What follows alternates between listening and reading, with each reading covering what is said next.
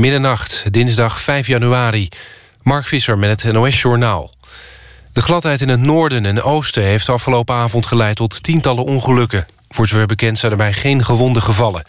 In Groningen heeft een aantal scholen besloten om de leerlingen morgen vrij te geven vanwege de ijzel. Andere scholen beginnen later met de lessen. Het KNMI heeft code oranje afgekondigd voor de provincies Groningen, Friesland, Drenthe, de Waddeneilanden en het noorden van Overijssel en Flevoland. Ook in de ochtend is de waarschuwing nog van kracht. Automobilisten wordt geadviseerd in het noorden alleen de weg op te gaan als het niet anders kan. Vanochtend wordt het in het noorden en oosten een drukke spits verwacht hierdoor. President Obama is ervan overtuigd dat de nieuwe regels voor vuurwapens... die hij wil invoeren binnen de Amerikaanse grondwet vallen. Ook zegt hij dat hij de maatregelen niet hoeft voor te leggen aan het congres. Obama gaat de komende dagen bekendmaken... hoe hij het vuurwapengeweld in de VS wil terugdringen. Hij heeft nog niet gezegd wat hij precies van plan is. In de Amerikaanse grondwet is het recht op vuurwapenbezit vastgelegd. Albert Heijn heeft het Gouden Windei 2015 gewonnen. Prijs voor misleidende producten. Twijfelachtige eer gaat naar de zoete cranberries van Albert Heijn. Die worden aangeprezen als superfood... terwijl ze voor 68% uit ananassiroop bestaan. De prijs is toegekend door de organisatie Foodwatch. Albert Heijn zou hebben beloofd om de receptuur aan te passen. Op de tweede plaats eindigde Liga met zijn melk-aardbeikoeken... die voor 0,03% uit aardbeipoeder bestaan. Het weer tot slot trekt een regengebied over het land... met in het noorden dus de hele nacht kans op ijzel. Minimaal rond 5 graden, alleen het noorden vriest het. En overdag trekt dan de neerslag weg. Blijft wel bewolkt en het wordt dan min 2 in Groningen... tot plus 8 in Zeeland. Dit was het NOS Journaal. NPO Radio 1. VPRO. Nooit meer slapen.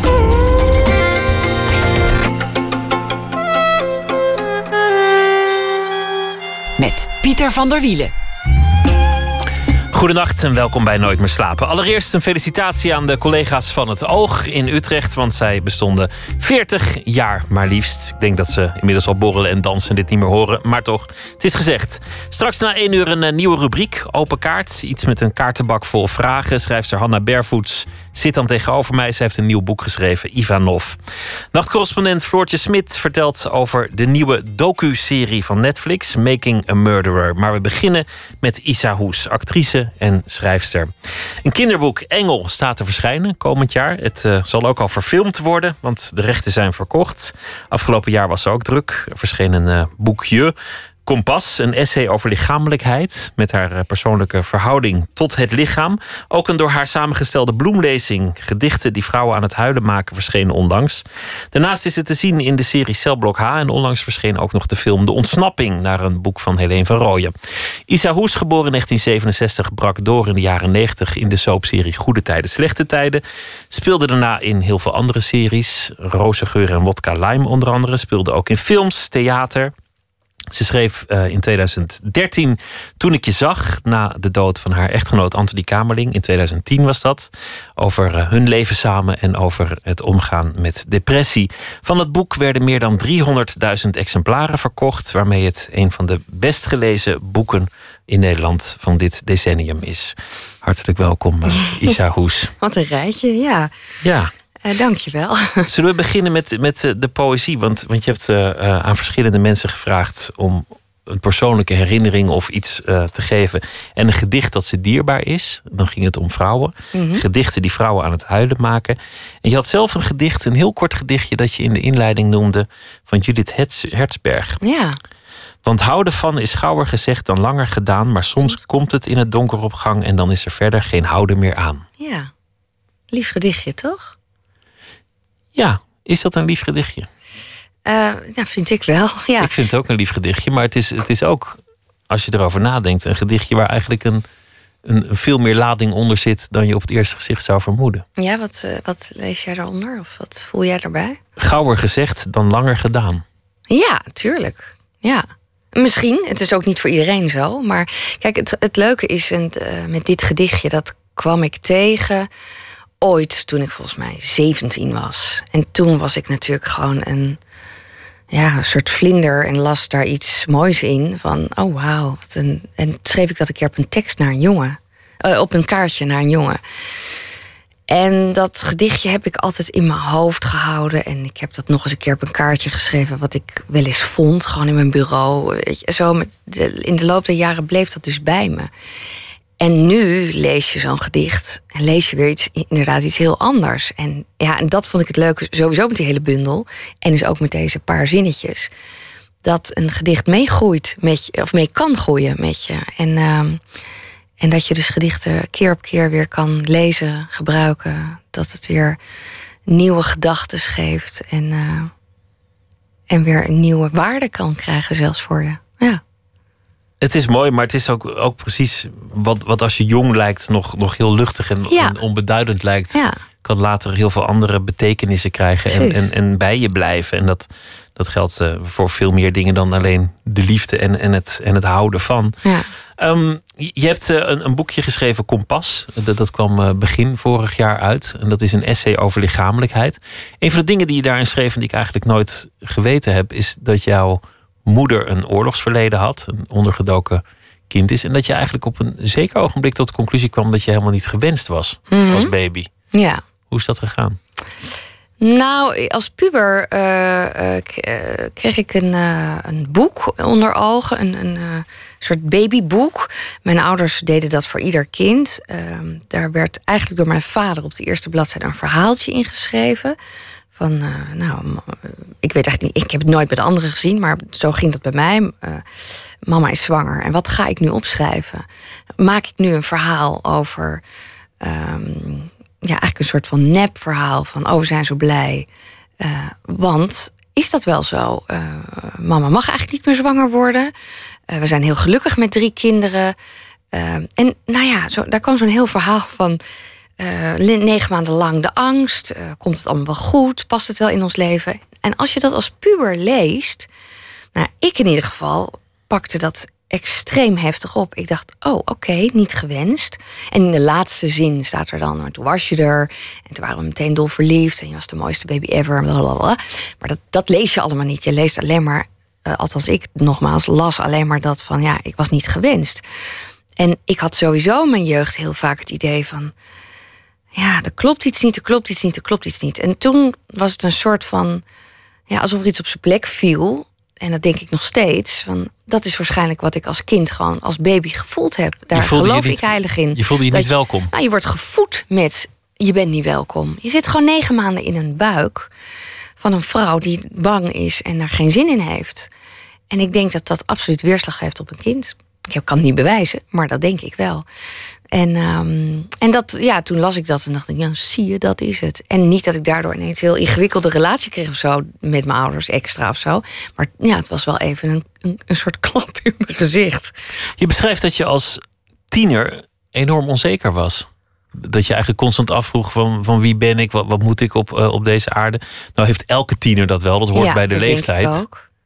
Maar ik bij ben jou was het sowieso- volgens mij wel iets meer. Ja, maar ik ben sowieso nog steeds, denk ik, een zoeker, een vrager. Ik vraag me heel veel af. Toevallig zat ik vandaag in therapie. En zei ze, wat grappig, je hebt iets, je hebt dat, je hebt iets, zij noemde dat iets kinderlijks. Ik vraag me zoveel af, de hele dag.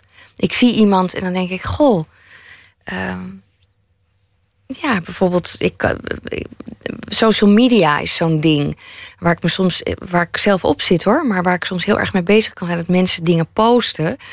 En dan zie ik ze en dan spreek ik ze en dan denk ik, maar je bent helemaal niet blij. Maar waarom zie ik dan net van die happy foto's op Instagram staan? En daar kan ik me dan ontzettend druk over maken, maar in mijn hoofd vooral. Maar dat besprak ik met haar, dat ik zei, wanneer ben ik er nou eens klaar mee? Wanneer, kan het me, wanneer laat ik dingen los? Dus ik ben iemand. ehm, en ik maakte dat zelf een beetje dramatisch vandaag. Als zo van wat vermoeiend. En toen zei ze: Ik vind dat leuk. Ik hoop dat je dat je hele leven blijft houden. Want je blijft dus heel eh, eager naar. Je blijft heel zoekend en heel vragend en heel nieuwsgierig naar de wereld. Toen dacht ik: Oh ja, zo kan je het ook bekijken.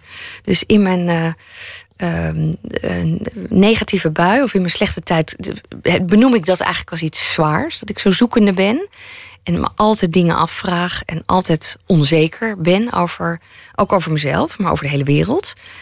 En ja, sinds vanochtend dus dacht ik, oh, maar misschien moet ik het zomaar eens gaan oppakken. dat het goed is en dat het eigenlijk wel leuk is. Het leven heeft wel een beetje van jou gevraagd. In, in, en dat beschrijf je ook in, in het veel verkochte boek over Anthony. Dat, dat jij altijd de stabiele was. Mhm. Dat jij altijd degene was die maar, die maar doorging en de benen op de grond hield. Terwijl dat eigenlijk niet bij jouw karakter paste.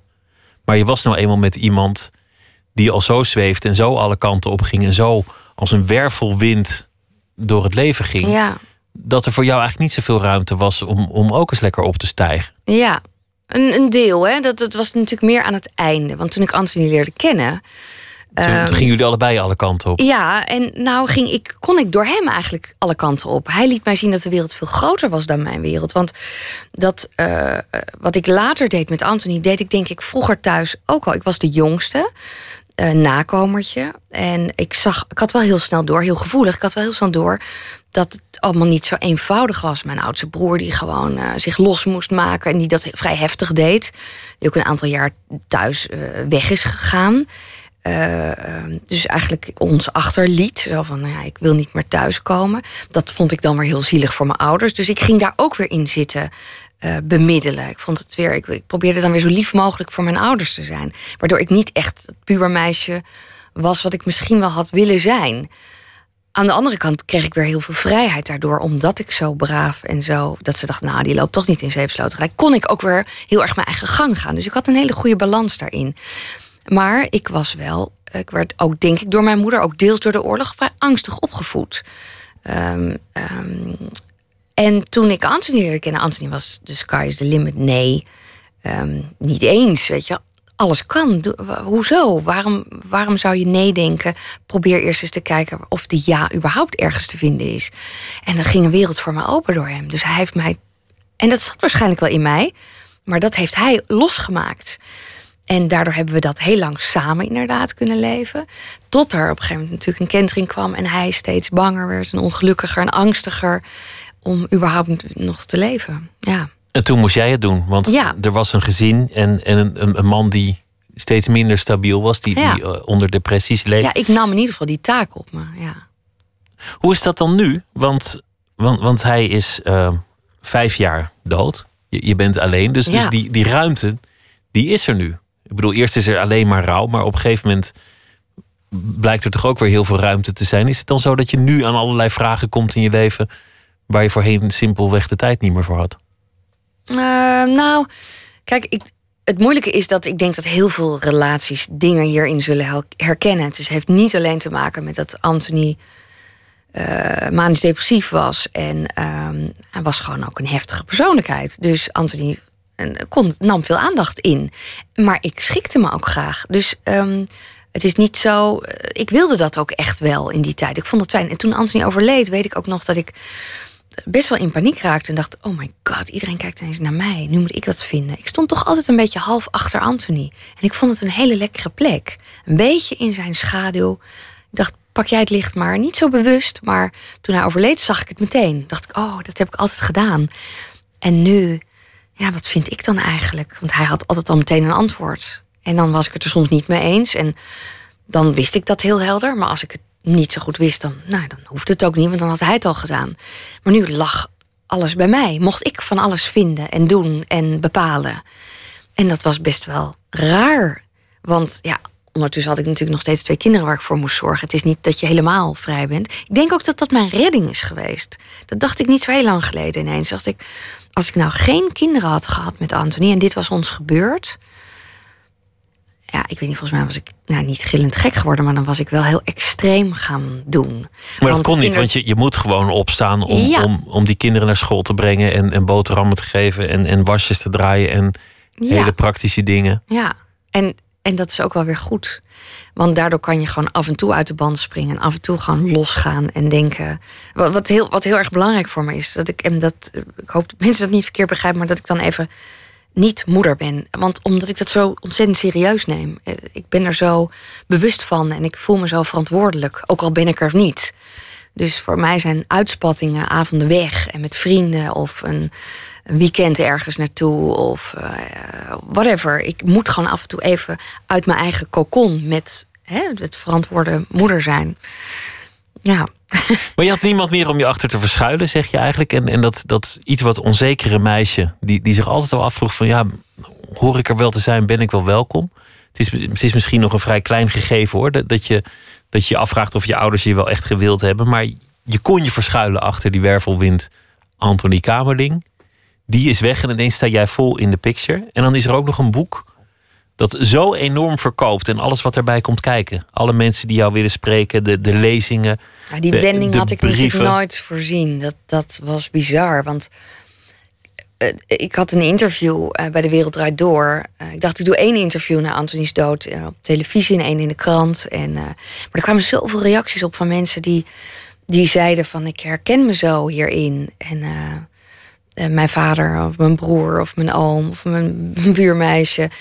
die hebben het ook. En jij vertelt er zo mooi over. En eh, je geeft de juiste woorden. Ik dacht, oh wauw. En toen kwam dat verzoek of van, vanuit de literair agent eh, Paul Sebes en, en Willem Wisseling van...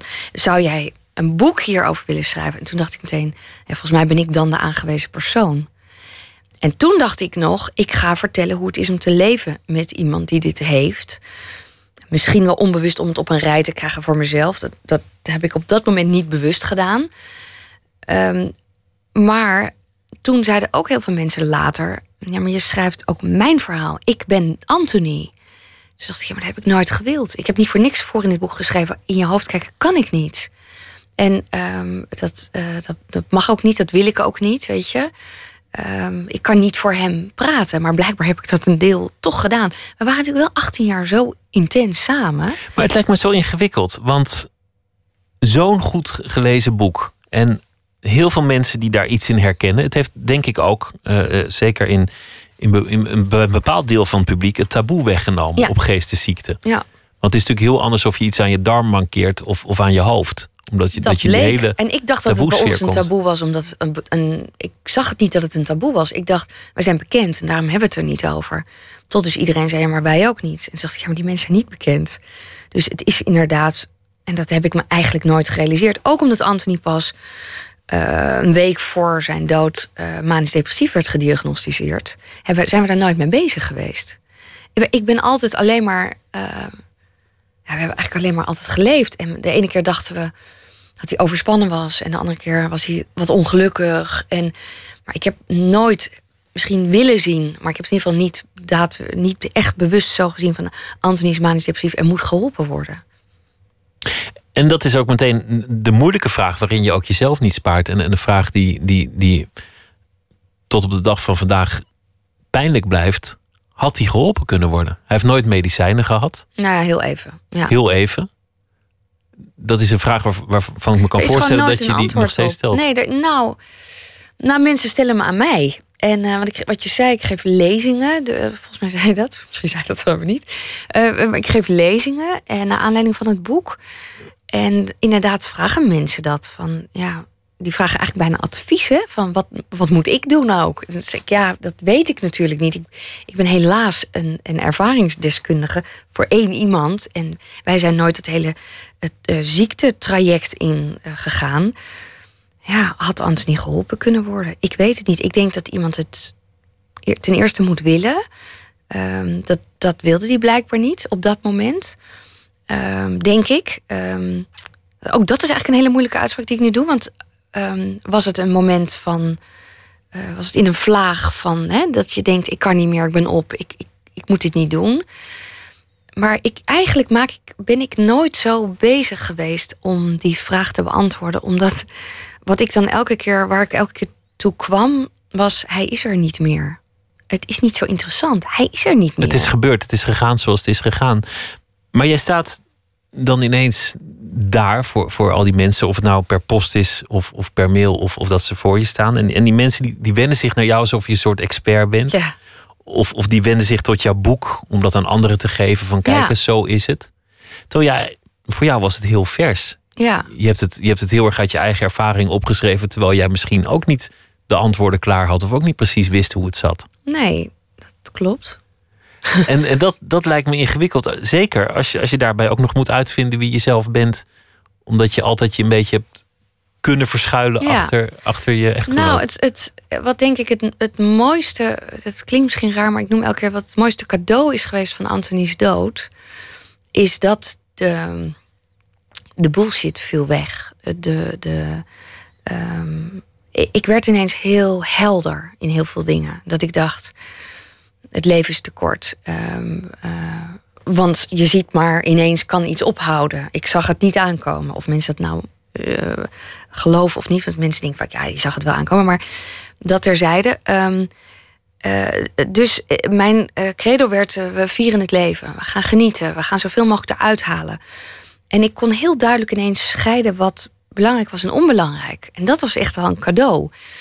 Ehm, dus ja, die zoektocht blijft. Maar ook veel dingen dacht ik, ja, kan mij het eigenlijk schelen. Ik weet het niet precies, maar eh, wat is er vandaag? Wat moet er gebeuren? Dit moet er gebeuren. En wat wil ik heel graag? Dit. Nou, kijken hoe ik daar een mix in kan vinden of zo. Het werd veel ja, simpeler soms. Terwijl daar een enorm verdriet ook was. Maar ja, sommige dingen werden veel helderder. En dat was wel de winst van alles. Minder gepieker. Ik was natuurlijk de helft van de tijd bezig met hoe het ging met Anthony. en nu en kon, dat je, viel weg. nu kon je bezig zijn met... Met, Met, rouwen en met doorleven. En je hebt heel veel gedaan, ook in je werk daarna. Belachelijk. Ik heb nooit zoveel werk gehad. Dat is bizar. Als Maar je je- dat bedoelt. Ja, dat is wat ik eigenlijk bedoel. Series, eh, films, eh, schrijven. Nou, die poëziebloemlezing. Ik, ik noem nu een, een aantal dingen. Dat was 2015. Dat was, ik had nog die lijst drie keer langer kunnen maken. Ja. Als, als ik had gewild. Ja, nou het gekke was, ik, wat ik eigenlijk eh, voornamelijk deed was toneel.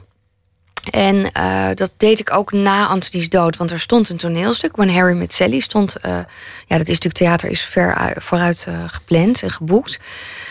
En toevallig was Albert, mijn zwager, was de producent. Albert Verlinde. Albert Verlinde. En die, ik zei ook wel, hij zei, je gaat wel spelen. Hè? Toen zei ik, ja, ik denk dat het goed is ook. Dat ik ook het toneel op ga. En me niet eh, realiseerde dat het best ingewikkeld was. Ook voor het publiek om naar mij te kijken. Want ik zag me, ik voelde soms in de zaal... dat mensen gewoon zoiets hadden. Oh, oké, daar staat ze. De weduwe. Want het was, ja, ik was natuurlijk niet zomaar... Ik begreep wel, het was natuurlijk een heel ding. We waren bekend. En het was, elke avond was er wel een moment. En ik weet niet meer precies. Er was iets in de zinnen, in de tekst. En dan zei ik ook weer achteraf, zei ik tegen iedereen. Ja, dat was weer even zo'n moment. Hè? Maar het was goed voor me. Het was goed om daar te staan. Om inderdaad weer even los te zijn van hè, het moeder zijn, de zorgen, de, de, het verdriet. Even gewoon, het was een comedy. Het was fantastisch om een comedy te kunnen spelen op dat moment. Wat ik eigenlijk nog nooit had gedaan. Eh, met de geweldige scène, met de, de, de klaarkomstscène eh, aan het tafeltje en zo. Van I'll fake- have whatever she's ja, having. Dat was, Ja. dat was elke avond. We hebben, we hebben zo'n lol gehad die periode. Met de kanttekening dat ik, als ik kwam af en dan ging mijn telefoon en belde Marlijn huilend. Wanneer kom je thuis? Nou, dan was ik natuurlijk weer terug bij af. Maar ik had wel even die twee uurtjes gehad of drie uur. Dat ik even eruit was en zo. Nou, dat was heel fijn. Maar het was dus te zwaar. Ik vond dat heel moeilijk dat mijn kinderen het zwaar hadden. Dat ik de deur uitging en ging spelen. Maar ik dacht, ja, dat is het enige wat ik kan. Is mijn werk, wat erg. Ik moet geld verdienen. En eh, toen heb ik nog een toneelstuk gedaan. En dat was eh, eh, achteraf echt ook zo raar dat ik dat deed. Het was van Nicky French. En dat ging over de dood van, van een kind. Het was, een, het was zo'n zwaar stuk. En tijdens dat stuk dacht ik... Nou, ik moest elke avond gewoon aan Anthony denken. Dus ik dacht, ja, wat ik wilde, wat ik hoopte ergens uit te zijn... het kwam gewoon keihard terug. En dan stond ik op dat toneel en dan kwam het right in my face. En dan moest ik eigenlijk huilen, maar dat kon helemaal niet. Want die vrouw was een soort van gevoelloos. Als ik nou nog heel lekker had mogen janken daar op dat toneel. Maar dat kon niet. En, eh, en toen dacht ik... En mijn dochter die dan huilend bij de voordeur stond... en Marlijn zei, ga maar mam, het komt wel goed. Nou, ik dacht, ik ben gek. Ik stop. Dus toen ehm, eh, kocht ik een huis. Ik stopte met acteren. En ik dacht... Aan de ene kant dacht ik, ik ben knettergek. Want wie doet dat nou? En toen dacht ik, nee, maar dit is nou mijn nieuwe leven. Dit is het. Ik ga op mijn gevoel af. Dit voelt goed. Ik wil thuis zijn bij de kinderen. En toen deed ik auditie voor een televisieserie. Die, eh, je- eh, geloof, twee jaar later pas werd gemaakt. Maar ook niet met mij. Maar dat, eh, dat voelde zo goed. En ik kende die producent. Die heb ik gebeld. En toen zei ik... eh, ehm, ik, wil, ik, wil een, ik wil met je praten. Want ik, ik denk dat het tijd is dat ik weer een hoofdrol krijg in een serie op televisie. Hij was even stil en toen moest hij heel hard lachen. En toen zei hij, ja, ik vind eigenlijk wel dat je gelijk hebt. Briljant, we gaan koffie drinken. En binnen een half jaar stonden we op de set met Celblok H. En dat hebben we drie seizoenen achter elkaar ongeveer gedraaid in anderhalf jaar tijd. En die film, dus het was een soort rollercoaster waar ik ineens in zat. Maar het was dus de beste beslissing ever. En dat was wat ik had besloten. Ik ga alleen nog maar op mijn, mijn gevoel af. En het was heel eng. Hè? Even stoppen met werken, een huis kopen. Dat je denkt, dat kan niet. Maar het beloonde zich acuut. In, ehm, ja, in, in alleen maar dingen doen die ik leuk vind nu dat vergt moed. Je, die film die je noemt, uh, naar het, uh, naar het uh, boek van Helene van Rooyen, die speelt in, in Portugal. Voor, voor, een, Een voor een groot ja, gedeelte. Eh, Prachtige locaties, een, een blauwe zee en, en de zon. Nou ja, het is allemaal eh, fantastisch. Een huisvrouw die ontsnapt aan haar eh, gezapig leven. eh, om Nee, af nee, te nee. rekenen met haar, met haar Maar er is jeugd. er iets in haar jeugd gebeurd. Eigenlijk is dat gezapige leven valt wel mee. Ze heeft gewoon een prima huwelijk. Alleen, Nou, het was ook best een gezapig leven. Jawel, oké, het is wel, maar de- dat vond ik altijd een beetje het foutje in de, in de publiciteit. Het gaat er voornamelijk om dat zij loopt tegen een muur op. Ze stikt gewoon, omdat eigenlijk de dood van haar broer, daar kom je uiteindelijk achter, is natuurlijk is voor haar het ding waar ze, wat ze nooit heeft verwerkt. En daardoor ons, daarvoor ontsnapt ze eigenlijk. Op een gegeven moment denkt ze, ik kan niet meer. Als ik hier blijf, word ik gek. En stapt impulsief in de auto. Dat is het. En vertrekt naar Portugal. En onderweg, maar misschien verklap ik het einde, verstrandt ook nog het huwelijk. Maar dat, dat, eh, dat terzijde. Ja. Jij was daar in, in, in Portugal, op die prachtige locatie. En dat wachten, want ja, er wordt gedraaid en er moet een lampje verhangen. En, en, en de camera en er moet een band omgewisseld worden. En weet ik wat er allemaal gebeurt. En dat, daar gebeurde iets. Want eigenlijk schrijf je in dat, dat Oh, essay... in kompas. Ja, ja, ja. schrijf je, dit is eigenlijk het moment dat ik, dat ik merkte dat het me lukte om het los te laten. Een deel. Om het, Ja. ja. helemaal, dat weet ik niet. Maar nee, goed. en, nou ja, ja dat, nou kijk, het, het, het grappige was, ik wist natuurlijk dat ik kompas ging schrijven. En het thema was het gelukkige lichaam. En ik dacht, het gelukkige lichaam, eh, wat moet ik daarmee? Was mijn eerste reactie. En mijn tweede reactie was, wat zeg je nou? Dit is de rode draad in je leven. Je hebt nog nooit een leuke relatie gehad met je lichaam, als je het zo zou willen zeggen. Ik heb altijd issues daarmee. Ik heb mezelf nooit knap gevonden, nooit aantrekkelijk, te dik, whatever. Noem het maar op. Ik heb altijd issues met dat lijf en met het hoofd, whatever, met dat lichaam. En, ehm, en dus ik wist al dat ik dat boek ging schrijven. Ik was toen nog aan het filmen. Toch? Ja, natuurlijk. Want anders kan ik zit even te denken aan de volgorde. De vrouw Eh, krijgt een relatie met een, met een gigolo. Dat is dan Ja. een, een, een acteur speelt voor gigolo. Jullie Ja. liggen in, in het zwembad te Ja. wachten. Of ja, we liggen op zo'n heel mooi eh, bedje in de zon. En ehm, ik lig in zijn armen. En ik heb een soort. In, in de scène heb ik een soort nachtmerrie. En dus ik lig tegen hem aan. Maar wij liggen daar op dat bedje. En het is bloedheet. En ze zeggen: we moeten heel inderdaad even een, een lamp, dit en dat. En ehm, willen jullie van set? Of nee, zeiden we, wij blijven. We liggen prima. Dus we lagen zo een beetje te kletsen. En terwijl we zo liggen, beweeg ik automatisch mijn been zo van schuif eens op. Zo even, even dat been lekker leggen. Alsof het mijn eigen man was. En dat voelde ik ineens. Dacht, oh nee, maar het is Edwin, de acteur. En zo lang kenden we elkaar ook nog niet. Dus het, ik, het was een beetje een soort awkward moment. Maar het was ook meteen een moment... wat ik later dus kon gebruiken in mijn boek... dat ik dacht, mijn lichaam heeft gewoon weer behoefte hieraan.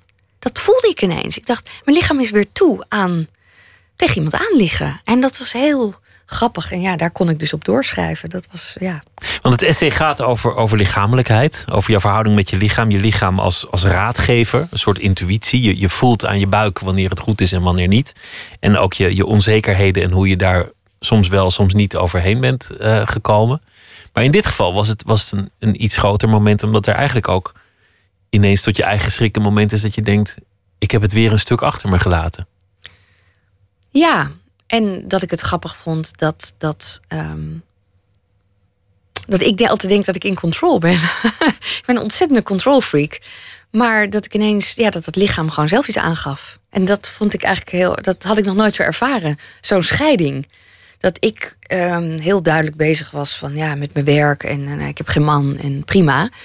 Maar dat ineens dat lichaam zoiets had, ja, nou, maar ik wel. Of zo, als je dat zo kan zien. Ik heb geest- daar wel ja. behoefte aan. Geest dacht- en lichaam zijn niet gescheiden natuurlijk. Nee, maar het was even een hele duidelijke soort eh, wake-up call of hint of ja. En ja, dat, dat, eh, het was sowieso voor mij heel raar, want ik dacht toen Anthony doodging, nou, ik blijf echt niet lang alleen. En ik ben vijf jaar verder. dus ja, je kan van alles bedenken. Maar zo werkt het niet. Laten we gaan luisteren naar ehm, twee zusters uit Zweden, Johanna en Clara Söderberg. Ze opereren onder de naam First Aid Kit en ze werden beroemd in 2008 toen ze een liedje van Fleet Foxes op YouTube zetten. En dat is eh, dit nummer, Tiger Mountain Passage Song.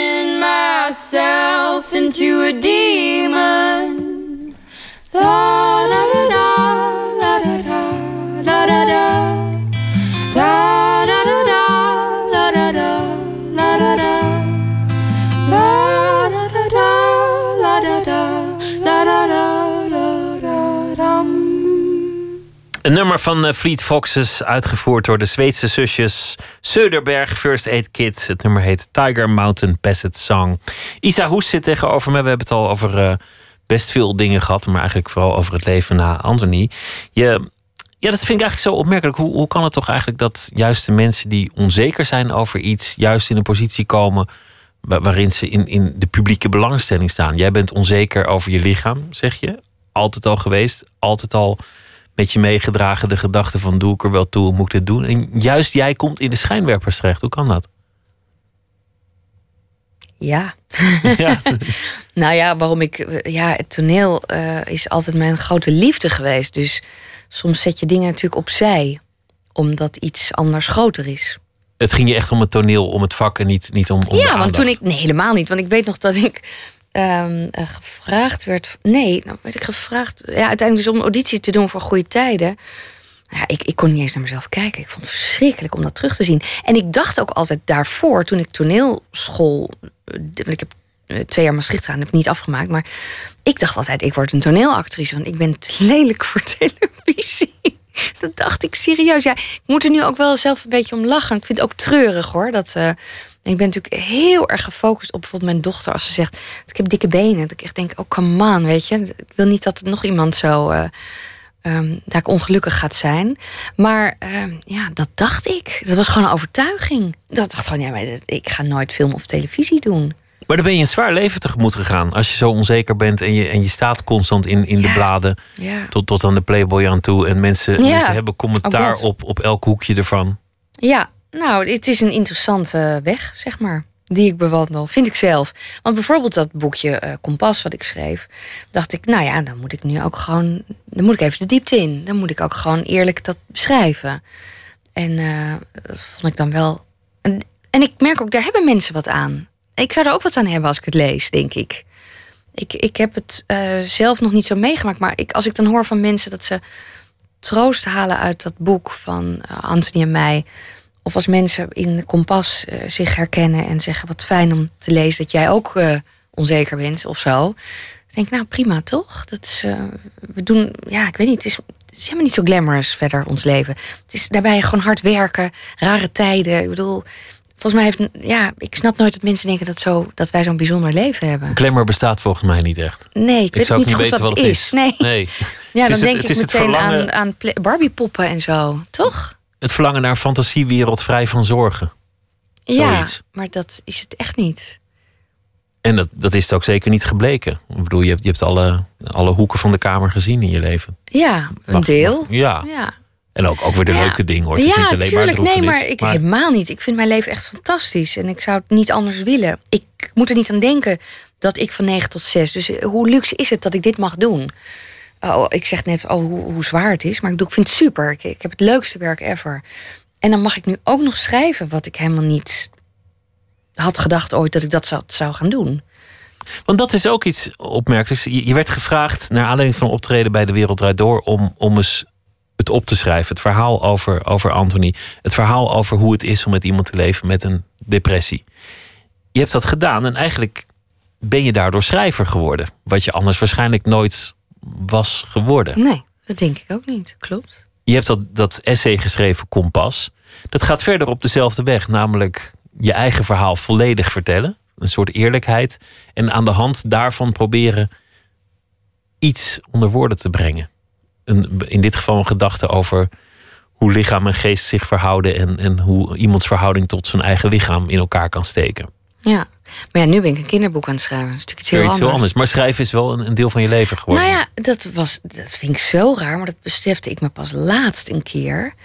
Dat ik schreef vroeger best wel veel in mijn dagboek. En, ehm, en ik las dat wel eens aan Anthony voor. En die zei toen tegen mij, en dat realiseerde ik me echt serieus, eh, een maand of wat geleden pas weer. En toen zei hij, daar moet je wat mee doen. Je schrijft zo leuk. En dan kwam ineens weer zo, poink, kwam dat naar boven. Ik dacht, huh? Hoe gek is dat? Dat heb ik dus inderdaad toch gedaan. Ja. Hoe, ja, hoe komt iets op je pad? Ja. Wat is jouw talent? K- Qua het schrijven of qua Isa zijn? Ja, of in, in het algemeen, Nou, in het, ik, in het ik leven. denk steeds meer hoe ouder ik word dat het te maken heeft met what you see is what you get bij mij. Ik heb weinig. Natuurlijk ben ik bewust van hè, dat ik bijvoorbeeld nu hier zit en ik weet wat ik vertel. Ik heb altijd een, een eh, eh, hoe noem je dat? Ik ben altijd met een helikopterview. Ik zie mezelf zitten en ik hoor mezelf praten. Ik denk sneller. Dus ik weet al wat ik zeg. Ik ben daar totaal bewust. Maar ik kan wel ehm, spontaan antwoord geven. Ik bedenk niet wat ik ga zeggen. En ik denk uiteindelijk dat dat een kracht is of zo. Dat ik wel. Ben wel eerlijk. Ik laat wel gewoon zien wat er speelt. En toevallig heb ik daar de woorden voor. Heb ik de goede woorden blijkbaar daarvoor. Opmerkelijk, is- want je, je bent onzeker, maar tegelijk doe je iets wat, wat vrijwel niemand volgens mij zou durven. Om, om zo je in de kaarten te laten kijken. In die boeken, in dat essay, maar ook, ook in, eh, in, in andere gelegenheden, bijvoorbeeld in die lezingen. Ja, Het, het woord wat het meest valt is denk ik openhartig en, en moedig. Als, het- als het over jou gaat. En de Hmm. besprekingen van alles wat je de laatste jaren hebt gedaan op dat vlak. Ja, maar dat weet je natuurlijk niet van jezelf. Hè? Ik bedoel, ehm, ik weet wel, als mensen altijd vragen: kan je jezelf in vijf woorden omschrijven? Ik altijd denk: sorry. Dat, ik vind het veel handiger als een ander dat doet, in, bijvoorbeeld. Maar ehm, ja.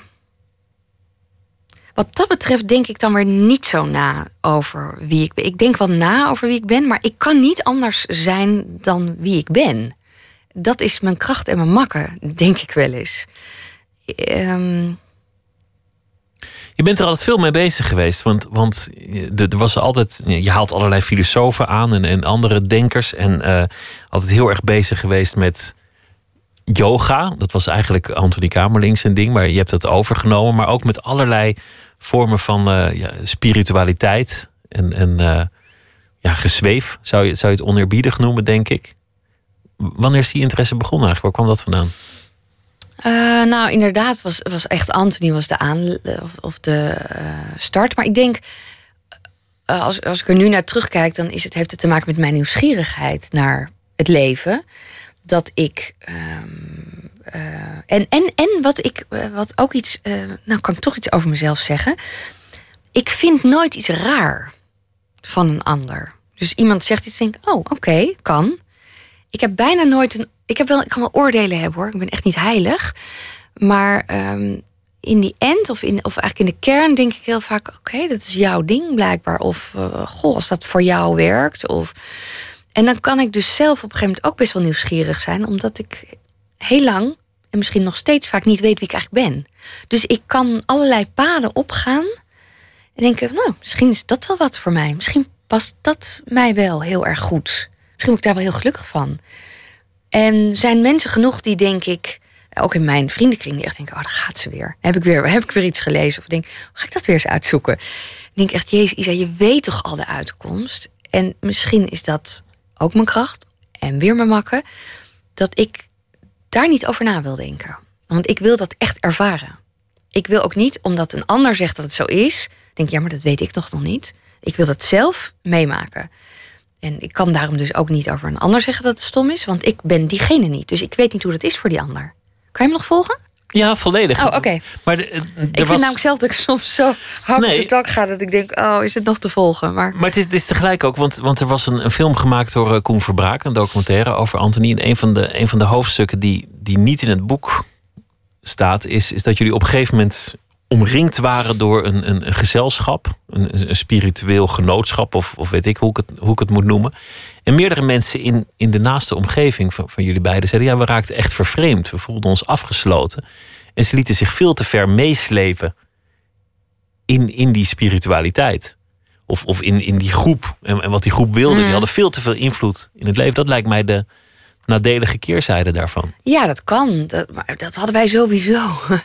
Elke keer als we iets, omdat had Anthony absoluut. En ik heb er misschien wel ook wel een beetje een handje van. Dat als ik dan iets ontdek. En dan wil ik eigenlijk dat de hele wereld daaraan meedoet. denk ik, oh, dit is fantastisch. Kom, doe met me mee. Of kom erbij. Of... En dat heb ik natuurlijk. Ik ben nu wat ouder geworden en wijzer. Dat je ook denkt, nou weet je, iedereen moet zijn eigen ding doen. Maar toen had ik dat zeker. En ja, daar, daarbij speelden er toen veel meer dingen, denk ik. We waren bekend en daar hadden we moeite mee. Dus we zonderden ons überhaupt af. Het was wel echt een. Het was niet echt één ding. Dat is- Was dat ook weer schuilen? Want je zei eerder, ik, ik kon mij altijd goed verschuilen achter, achter Anthony. Die, die, enorm charismatische man, een soort, soort natuurkracht was het natuurlijk. Mhm. Hier weer dan, dan die, die, die cirkel om jullie heen. Of, of ja, ik weet niet hoe ik het moet noemen, maar nou, dat, dat we waren ook gewoon vrienden. Dus het- daarom zeg ik, het is niet zo simpel. Het was echt gewoon een hele eh, hechte vriendengroep een hele tijd. Maar er, er En- lijkt een soort hang naar geborgenheid in te zitten. Je, je, je verschuilen en Ja. opgaan in, een, in iets groters. Dat klopt. In een groepje. En dat klopt. Ik denk dat, dat, eh, dat je dat heel goed ziet. Ehm, ehm, ik denk dat ik me heel, als kind al niet heel veilig heb gevoeld. En niet heel, wat volgens mij wel duidelijk was in het boekje, ook niet heel erg eh, ja, eh, deel uitmakend van dat gezin. En eh, in Anthony vond ik een iemand waarvan ik me meteen dacht: dit klopt. Wij, wij, wij kunnen met z'n tweeën de rest van de wereld aan. En, ehm, en toen hadden we dat met die groep ook. Dat we dachten, oh wauw, we zijn helemaal gelijk gestemd. En het is ook weer goed als dat op een gegeven moment stopt. Dat is ook niet erg. En weet je, dan, dan ga je weer, ieder gaat weer zijn eigen weg.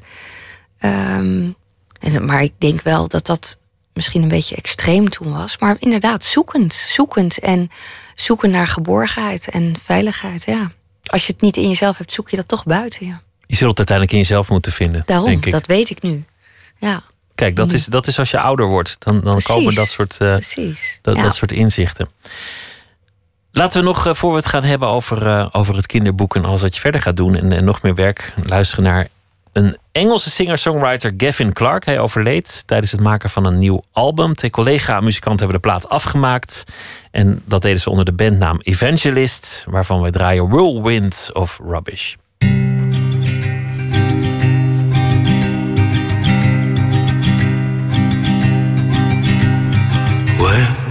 When,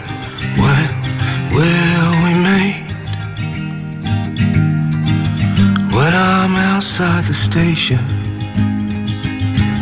a whirlwind of rubbish round my feet.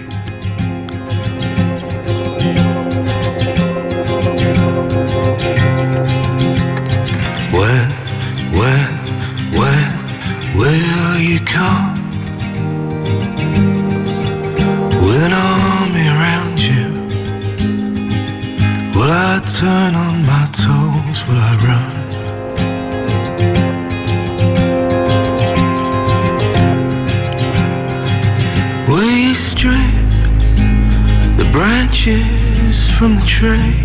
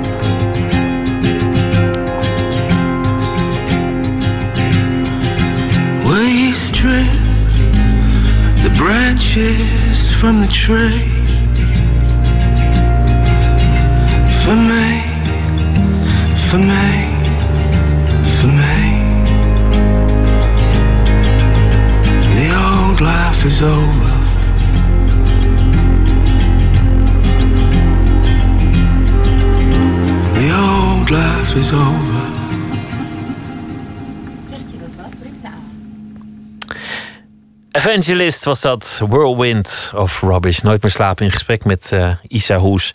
We begonnen met een gedicht van Judith Hertzberg... dat je zelf aanhaalt in, het, eh, in de bundel... gedichten die vrouwen aan het huilen maken. Want houden van is gauwer gezegd dan langer gedaan. Maar soms komt het in het donker op gang... en dan is er verder geen houden meer aan. Prachtig. V- vind ik nog steeds, dat, dat ja, gedicht. voor mij is het echt. En ik, ik heb dat ook extreem met vriendschappen. Dus liefde al- voor vrouwen, mannen. Ik kan iemand ontmoeten. En dat vind ik zo mooi. En dat zinnetje, soms komt het in de donker. Onverwachts of zo. En dan kan er een blik of iets zijn. En als ik uiteindelijk contact maak met mensen, is dat eigenlijk altijd forever. En dan maakt het mij dus niet uit of ik iemand. eh, dat is ook zo ingewikkeld in deze wereld, vind ik. Dat soms vriendschappen moeten zo. eh, eh, eh, hoe noem je dat? Ehm, genuttigd worden, bijna. Eh, ik heb je al drie weken niet gezien. Ja, sorry. Maar je zit in mijn hart, denk ik dan. Het is oké. Ik denk aan je, ik hou van je. En dat heb ik maar met weinig mensen die dat echt ook kunnen. Want die hebben toch zoiets, ja, maar ik moet dat toch... Ik moet dat meemaken, ik moet dat voelen. En, eh, maar dat vind ik er zo mooi aan. Dat, dat kan ik heel sterk hebben. En dan, ja, dan is er verder geen houden meer aan. Is dan voor mij van, van dan blijft dat, weet je wel, dan gaat het door. Forever. Dan stop je ook niet. Nee. Eigenlijk komen er heel veel dingen bij elkaar die, die ook slaan op, de, op, die, op die laatste jaren of, of laatste maanden met, met Anthony. Het niet weg kunnen gaan, het gewoon niet kunnen stoppen, het, het blijven vasthouden, te veel van iemand houden, zien dat iemand in onder gaat, maar niet kunnen ingrijpen. Alles keerde zich tegen je. Je, je, je tolerantie, je trouw, het, het geloven in het door moeten gaan in die liefde. Eigenlijk alles wat, wat ooit aan je kant stond, dat, dat werd ineens je vijand in, in die ja, tijd. ik dacht gewoon dat wij uit elkaar moesten. Niet omdat ik niet meer van hem hield, maar dat was niet te doen. Was niet meer te leven met die depressies en de angsten. En, en ik ging er zelf gewoon aan onderdoor. Ik werd gewoon fysiek ziek. Ik werd gewoon echt. eh, Ja, ik, ik, ik Je lichaam niet. trapte op de rem, zoals je dat in dat, dat essay beschrijft. Ja, weer mijn lichaam die gewoon zei: eh, Ik weet niet hoor, wie niet horen wil, moet maar voelen. Jij ziet het gewoon niet. En eh, ja, ik wilde gewoon. Ja, wij- zouden oud worden samen. Dat is, dat is inmiddels wel, is dat plaatje wel. Eh, eh, de heftigheid daarvan wel weggeëpt. Maar toen Anthony net dood was, dacht ik heel vaak: dacht ik, Maar dat kan helemaal niet. Wij zouden, echt zo'n zo'n zin. Wij zouden samen oud worden. Wij zouden samen op een bankje in de zon zitten. En ergens kleinkinderen hebben en onze kinderen, whatever. En dat je denkt, maar, maar dat kan niet meer, want nou ben je dood. Ik zat, nog bijna over na van hoe, hoe kan dat met iemand die dood is? Bestaat daar dan nog een connectie? dacht ik, nee, dat is dus niet meer. Dat is dus klaar. Dat beeld is dus een soort streep erdoor, kruis erdoor, ik weet niet, weg. En dat, ja, nu weet ik, ja, is het zo. Maar kan, ik, ik heb het misschien zelfs vorig jaar nog wel eens gehad. Dat ik ineens een soort van, nou weer bijna fysieke reactie. God, hij is dood. Hij is echt dood. Terwijl je denkt, ja, dat weet ik toch al lang. Maar dat dat, dat soms, ja, ik weet niet, de mensen die dit mee hebben gemaakt zullen misschien, en die dit horen denken misschien, ja, dat ken ik. Maar ik kende dat natuurlijk helemaal niet. Dat je, dat dat elke keer weer stappen heeft of zo. Dat je, dat, dat het moet op een ander niveau weer moet bezinken of zo. Dat je het niet in één keer aan kan, misschien. Maar je zei net wel dat je, dat je misschien wel weer klaar bent voor, voor iemand nieuw. Je bent, bent alweer een, een, een poos alleen. En eigenlijk zei je lichaam op een gegeven moment van... goh, nou ja, de geest is er misschien nog niet klaar voor... maar het, het, het lichaam wel. En als ik alles begrijp uit, jou, uit jouw verleden... dan is dat ook meteen weer een langdurige relatie. Dan gaat het weer zo van geen hou daar meer aan. Oh, geen idee. Of is dat anders? Dat weet ik niet, want ja, ik heb geen relatie, maar ehm, ik sta er wel, eh, denk ik. Nee, ik denk wel dat ik er anders in sta. Ik wil niet zeggen dat, ehm, dat het kan gebeuren hoor, maar. Ja, je kan natuurlijk nooit meer dat hebben. Ik bedoel, toen waren wij natuurlijk een soort twee kleuters. Ja, daar moet je ook een beetje jong voor zijn. Ik wou net zeggen, het is heel kinderlijk allemaal. En nu heb je zo'n bagage wat je meeneemt. Dat, dat, ik ga natuurlijk nooit meer zo me aanpassen aan een man. Eh, ik ga me nooit meer zo richten op een man. Want ik heb een heel prima leven. Ik heb twee kinderen, ik heb werk, vrienden. Ik heb natuurlijk een heel vol leven nu al. Ik mis ook niet een man. Het is af en toe. Dat je denkt, jezus, zou het leuk zijn zeg. Als ik thuis kwam, er zit gewoon iemand eh, en die heeft gekookt of, eh, of die neemt me in mijn armen. Oh, sluit niks uit, joh. Alles is mogelijk. Alles is mogelijk. Ja, joh. Elke dag weer. Je bent bezig met een kinderboek en eh, de filmrechten zijn reeds eh, verkocht en, je- en je werkt eraan. Je hebt ook nu je laptop meegenomen voor Ja. het geval er, er er ergens wat tijd over zou zijn. Dat Ja, dat dan... is wel mijn manier van schrijven. Ja? Ja. Ja, ik weet nog dat ik aan, toen ik je zag, eh, toen, dat, dat ik dat begon. En toen liep ik bij een psychiater en die zei tegen mij: Heb je een werkplek? Toen zei ik: Nee. Je moet een werkplek maken, Isa. Ik zei: Nou, ik schrijf heel lekker op bed of eh, boven in de kamer. Of, eh. nou, ik heb nog nooit van een schrijver gehoord die dat doet, zei hij. Dus die moest heel erg lachen toen ik natuurlijk heel eigenwijs later zei: Ik heb geen werkplek. Maar ja, ik, ja, ik vind dat fijn. Ik kan eh, de hele dag bij wijze aan engel denken van ik moet schrijven. En ineens de geest hebben. En dat kan zijn een uur voor het eten. En het kan zijn s'avonds in bed of s ochtends vroeg. En hoe begint zo'n project? Waar komt dan de gedachte vandaan? Een, een kinderboek? Nou, daar ben ik ook weer voor gevraagd. Ik moet wel toegeven, ik word Je wel, wordt wel eens gevraagd. Het ik word wel vaak gevraagd ja, voor nou ja, dingen. oké. Ehm, of ik een kinderboek wilde schrijven. En toen verzon mijn literair agent: Is dat niet leuk samen met Vlinder? Toen zei ik: Ja, ik kan het er vragen. En zij zei meteen: Ja, maar ik kan hem niet schrijven. Toen zei ik: Nou, maar dan vinden we wel een vorm. Want ehm, als jij nou dingen verzint en ik het opschrijf. En dan kunnen we samen. En zo werkt het dus ook de hele tijd. Ik schrijf wat dingen op. Dus ik heb bijvoorbeeld met haar doorgenomen hoe de hoofdpersonage eruit ziet. Wat ze leuk vindt. Een beetje een eh, cv'tje over Engel. En eh, hoe het gezin eh, in elkaar zit. En wat die ouders doen. En eh, zo'n heel verhaal hebben we verzonnen. En op een gegeven moment ben ik gaan schrijven. En zei ik, wat, wat, wat zou dan leuke gebeurtenissen zijn? En soms zit ik te werken en zeg ik, ik, ik zit vast. Wat moet ik nu doen? Wat gaat ze doen? En dat is heel leuk. Zo werkt het eigenlijk een beetje. Zij vindt het frustrerend, want ze vindt dat ze te weinig doet. Maar ik zeg, ja, maar geloof nou maar in deze verhouding. Want ik, ik begrijp dat jij dat andere niet kan. wat ik kan. Ieder doet zijn ding. Je zakte stelselmatig voor de HAVO. Niemand had eigenlijk enig vertrouwen in je. En toen, toen dacht je, nou dan wordt het maar toneelschool, want dat vind ik leuk. En toen, toen heb je die HAVO toch nog weten te halen. Maar ik geloof na drie, Acht jaar. her, nou ja, acht, acht jaar, de acht gelukkigste jaren van je leven. Ja, dat is ook De- nog een leuk boek. Goeie titel. En toen, eh, en toen ben je naar de toneelschool gegaan. En daar kreeg je eigenlijk ook toch na, na twee jaar te horen van... ja, die Isa, het, is een aardige meid en ze heeft wel charisma... maar we zien het niet. En, en toen heb je ro- rondgedold, je bent naar Amsterdam getrokken. Je ouders die, die waren wanhopig. Mensen in je omgeving zeiden Isa is aardig... maar Isa is geen hoogvlieger. Wat, wat vind je ervan wat je nu allemaal bereikt hebt eigenlijk? Nou, daar ben ik heel blij mee. Ik vind. ehm, ehm, ik, heb nergens, ik heb nergens spijt van. Alle, alle keuzes die ik heb gemaakt. ehm, ik zou misschien dingen nu wel anders doen, maar dat is iets anders. Ik heb ook al heel lang geroepen: nee, die toneelschool had ik nooit af willen maken. Maar als ik daar nu op terugkijk. Wat ik nu in mijn carrière soms mis, is denk ik, ja, ik had wel wat meer. Misschien had ik het wel heel leuk gevonden bij een gezelschap te spelen. En dat had ik kunnen bereiken door op toneelschool te blijven. Misschien. Dat is ook nog niet een gegeven. Maar eh, door daar weg te gaan na twee jaar heb ik dat, die, die ruit natuurlijk zelf wel keihard ingegooid. Maar ik heb zoveel leuke dingen gedaan. En ik heb elke keer in mijn carrière wel eh, heel erg gevoeld, naar, eh, geluisterd naar mijn gevoel. Dus eh, dat goede tijden kwam op mijn pad. Ik had geen idee waar ik aan begon. Terwijl alle anderen wel wisten waar ze aan begonnen. En ik had echt geen idee. Ze hadden allemaal gesprekken gehad. En ik viel daarin. Ik dacht, wat gebeurt hier? En na twee jaar was ik daar weer weg. Nou, dat, dat, je zegt, was je daar weer weg? Dat was een, een, een beslissing uit het ongerijmde. Het was succesvol. Je, je was een landelijke hype met die, met die gekke kapsels van je, van je personage. Ja, maar... ik- Mijn, jij, jij zei zelf ineens, nee, het is mooi geweest. Ja, ik had zoiets met mijn rol. Er gebeurde iets.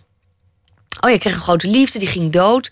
Dus Mirjam, mijn karakter, die mocht ineens eh, een beetje drama spelen. Want het was natuurlijk meer comedy.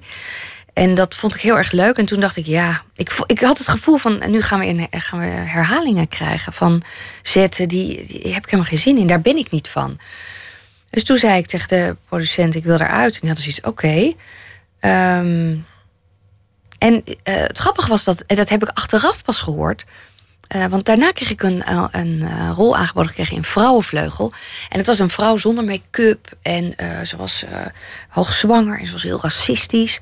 En ik vond dat te gek, want ik dacht... Ja, dan ben ik van dat zwieber... Want iedereen had over dat zwiebertjes-effect... wat ik dan zou hebben met goede tijden. Ik dacht, laat ik dat doen, dat is leuk. Dat heeft Joop geregeld. Dat hoorde ik later van de producent. Joop van den Ende heeft tegen die producenten gezegd... je moet Isa daarin zetten, want het is een goede actrice... en ze moet laten zien dat ze ook iets anders kan. Dat wist ik helemaal niet. Dat heb ik jaren later gehoord. Nou, wat super lief was. Maar ook daar dacht ik na twee maanden. Ja, dan ben ik weer televisie aan het maken. Als een soort van weer al het eerste wat in je opkomt aan het spelen. Want toneel Weg moet ik. was eigenlijk wat je het liefste wilde. Ja, ik wil gewoon de diepte in. Ik wil, dat wil ik met elke rol. Ik, ik zou voor televisie wil ik ook liever gewoon veel meer tijd hebben. En ehm, dat kan niet altijd. Dus toen dacht ik, nee, daar moet ik ook weer weg. En nu ga ik weer. Ja, stond ik gewoon weer in het theater. eh, eh, En inmiddels heb je al eigenlijk van, van goede tijden, slechte tijden... tot roosgeur en wodka lime, tot films, eh, tot, tot aan Pinter... en, en eh, hele zware tot hele komische toneelrollen. Eigenlijk lukt het jou gewoon wel steeds om je rol weer van je af te schudden. Ja, ja dat denk ik wel. Ja, vind ik altijd lastig om daar zelf dat zo te zeggen. Maar van me af te Ja, er er hangt niet één ding aan me, bedoel je? Ja. Nee. Maar ik ben wel, vind mezelf wel heel erg Isa Hoes. En dat, daar heb ik momenteel, ja, nou deel ik weer iets heel persoonlijks. Ga ik weer. Daar heb ik wel een beetje moeite mee soms. Dat ik denk. ehm, ik heb het heel druk nu met schrijven, maar ik mis het spelen een beetje. Want ja, die film is eigenlijk het laatste wat ik heb gedaan. En Celblok H. Ehm, maar dan wordt er bijvoorbeeld, nou, de serie ligt dan op de plank. Het moet nog uitgezonden worden. Maar ondertussen is er dan ook geen ander werk, eh, in mijn geval nu. Dat ik denk, jeetje, wat. ehm, ik, word, ik word of gecast omdat ik Isa ben, of niet. Gevraagd omdat ik Isa ben. Dus ik ben een beetje, ik ben nu heel voorbarig, maar ik wil een beetje naar het buitenland. Dus ik ben Duits aan het leren. Omdat ik denk, ja, daar kent niemand mij. Lijkt me top. Om even niet Isa te zijn en gewoon weer een, een gewoon rol een te- actrice te kunnen zijn. Het lijkt me zo fijn. We zijn toch wel een heel klein landje. Lijkt me, lijkt me spannend. Ja. Dankjewel Isa Hoes. Dank dat je te gast wilde zijn. En eh, heel veel succes met alles. Het kinderboek en, eh, en het Duits en de naamvallen. We gaan uh, zo meteen verder met Nooit meer slapen. Met onder meer een, een, nieuwe rubriek Open Kaart. Tot zometeen.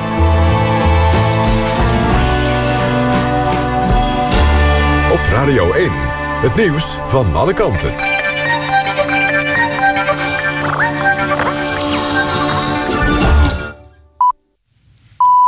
1 uur. Mark Visser met het NOS-journaal. De gladheid in het noorden en oosten heeft afgelopen avond geleid tot tientallen ongelukken. Op de A28 tussen Bijlen en Hogeveen zijn meerdere auto's van de weg geraakt, meldt RTV Drenthe. Op de A32, A7 en A37 zijn ook ongelukken gebeurd. In Hogeveen gleed een auto van een viaduct. Een inzittende raakte licht gewond. Het KNMI heeft code oranje afgekondigd voor de provincies Groningen, Friesland, Drenthe, de Waddeneilanden en het noorden van Overijssel en Flevoland. De komende ochtend is de waarschuwing nog van kracht. Automobilisten wordt geadviseerd in het noorden alleen de weg op te gaan als het echt niet anders kan. President Obama is ervan overtuigd dat de nieuwe regels voor vuurwapens die hij wil invoeren binnen de Amerikaanse grondwet vallen. Ook zegt hij dat hij de maatregelen niet hoeft voor te leggen aan het congres. Obama gaat de komende dagen bekendmaken hoe hij het vuurwapengeweld in de VS wil terugdringen. Hij heeft nog niet gezegd wat hij precies van plan is. In de Amerikaanse grondwet is het recht op vuurwapenbezit vastgelegd. Albert Heijn heeft het Gouden Windei 2015 gewonnen. Een prijs voor misleidende producten. Twijfelachtige eer gaat naar de zoete cranberries van Albert Heijn. Die worden aangeprezen als superfood... terwijl ze voor 68% uit ananassiroop bestaan. De prijs is toegekend door de organisatie Foodwatch. Albert Heijn zou hebben beloofd om de receptuur aan te passen. De tweede plaats eindigde Liga met zijn melk aardbeikoeken... die voor maar 0,03% uit aardbeipoeder bestaan. Het weer. Het trekt een regengebied over het land... met in het noorden dus de hele nacht kans op ijzel. Minima rond een graad of 5. Alleen in het noorden vriest het. overdag trekt de neerslag weg, maar het blijft bewolkt. Het wordt dan min 2 in Groningen tot plus 8 in Zeeland. Dit was het NOS Journaal. NPO Radio 1. VPRO. Nooit meer slapen.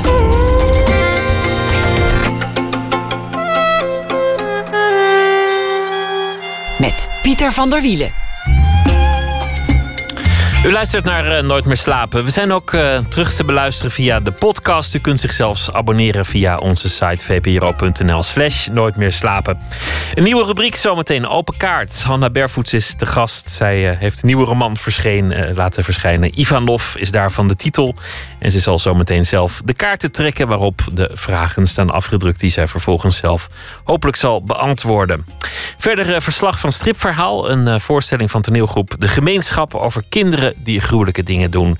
Maar eerst een schrijver die reageert op de afgelopen dag. Deze week F. Starik publiceerde veel dichtbundels. Zijn laatste heet Staat, verscheen afgelopen najaar.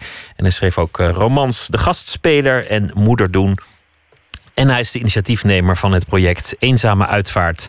waarbij dichters iets voordragen op de begrafenis van iemand... die verder geen nabestaanden heeft nagelaten. F. Starik, goeienacht. Hey, goedenavond. Vertel eens, wat, uh, wat was het voor dag vandaag? Wat is je bijgebleven? Wat was het voor een dag vandaag? Uh, wat mij heel erg is bijgebleven was een uh, reclame die ik een uur geleden op de, televisie zag. met een buitengewoon slecht geschoren man met een ongelooflijk onsmakelijke mond. Die in een reclame optrad, waarschijnlijk van een, van een verzekeringsmaatschappij.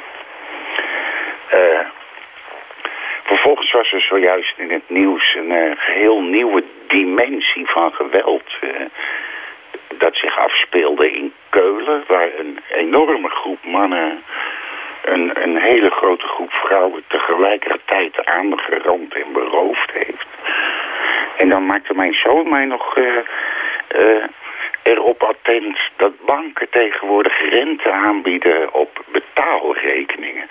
En dat terwijl de rente zeg maar op nul staat. Dus dan is het makkelijk cadeautjes weggeven. Juist, maar is er nog een verband tussen al deze dingen? Mannen met nee, slechte baarden die. Nee, maar het is er nooit natuurlijk. Uh, uh, nee, er is geen enkel verband tussen. Maar goed, je moest een verhaal dat, schrijven. Dat zijn dingen van het, eh, van, het, eh, van de laatste twee uur die mij opgevallen zijn. Ik ben benieuwd maar welk dat neemt verhaal. niet weg dat ik voor jou een column heb geschreven. Ja. Eh, van 257 woorden. Komt hij. Een nieuw jaar. Oudejaarsavond breng ik door met mijn lief in haar Utrechtse volkswijk... waar de vuurwerktraditie met een hartstocht een betere zaakwaardig in ere wordt gehouden. Men brengt er bommen tot ontploffing die de ramen in hun sponningen doen trillen. Daar zijn ze helemaal voor naar Duitsland gereden. Daar krijg je tenminste ware voor je geld. Daar waar de diesel bovendien 6 cent goedkoper is. Vroeg in de avond begint het feest. Lugubere explosies weergalmen dreunend tot in het hart van de piano. Zo viert men dat. De onderbuik. Het jarenlang opgespaarde ongenoegen. Het wordt er allemaal uitgeknald. Op zaterdag de markt, waar het nieuwjaar met het verse verbod op het witte, gratis plastic hemd tasje wordt ingeluid. De marktlui zijn er opmerkelijk lankmoedig onder. Het mag niet meer, klinkt het overal. Sorry. Ik antwoord dat ik me heb voorbereid op de nieuwe tijd... en tover triomfantelijk uit mijn binnenzak... een geheime tas van de supermarkt tevoorschijn. Daar laat ik mijn vis in glijden. Hij spartelt niet eens tegen. Als ik thuis kom, dan pas verbaas ik me erover... dat het nieuwe verbod zomaar wordt nageleefd. Voorlopig wordt er niet gecontroleerd. Er worden geen boetes uitgedeeld en toch klinkt het overal. Sorry, het is niet anders. Op de markt kun je doorgaans wel terecht voor een stevig stukje ongenoegen, een onversneden verontwaardiging. Zeker als het om die Haagse zakkenvullers gaat met hun eeuwige maatregelen. Maar de teloorgang van het traditionele gratis plastic tasje leidt tot niets. Het is voor het milieu of zoiets. Wen er maar aan. Geen gedoe. Er schijnt toch licht in de duisternis. Veranderen is mogelijk. Zo. Over het uitbannen van het eh, plastic tasje. En dat- Eh, over al die, al die belachelijke tradities waar we aan vasthouden. En ehm, ik werd er vrolijk van, met terugwerkende kracht. van het uitbannen van het plastic tasje. Eh, dat het zo langmoedig werd aanvaard. Denk je dat het Dat vuurwerk ook eh, gaat volgen? eh, niet met hoongelach begroet werd en eh, met doodsbedreigingen gepaard ging, zeg maar. Dat mensen niet boos werden op de marktkoopman. Maar je, je en dat noemde... de marktkoopmannen zich langmoedig bij het nieuwe verbod neerlegden. Ach, het is... tijden veranderen. Moet kunnen. Dan maar geen gratis tasje. Dat dat vuurwerk, gaat het ook verdwijnen, denk je? Want daar, daar hoor je nu ook steeds meer commentaren over... Dat er, dat er een vuurwerkverbod over een paar jaar ook wel zal zijn. Dat het over vijf jaar, misschien tien jaar... tot het verleden zal Eh, behoren. nou ja, het viel me dit jaar heel erg op. Die, die ongelooflijke agressiviteit die daarin verscholen zit. En eh, wat mij betreft denk ik dan, ja, doe maar weg. Dat stomme vuurwerk. Maar bij mijn lief in die Utrechtse volkswijk... daar worden ook echt krankzinnige bommen afgeschoten. Eh, waar je, waar je eh, letterlijk van uit je stoel valt. Het is duidelijk. F. Starik, dank je wel. Een hele goede nacht. En morgen weer een, eh, een verhaal en een beschouwing... bij de dan voorbije dag. Goeienacht. Oké, hoi. Tot morgen. David Bowie, eh, het nieuwe album zal 8 januari verschijnen. Dan wordt de beste man alweer 69 jaar oud. Een van de nummers mogen we alvast draaien. En de titel daarvan is Lazarus.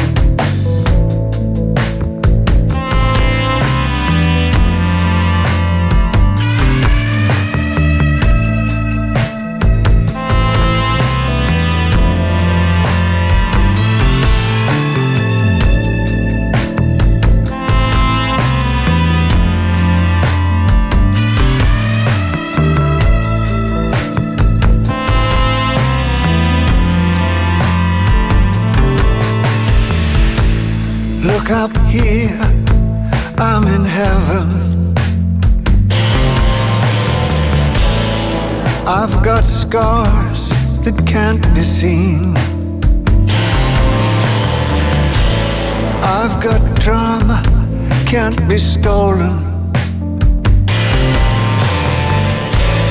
Everybody knows me now.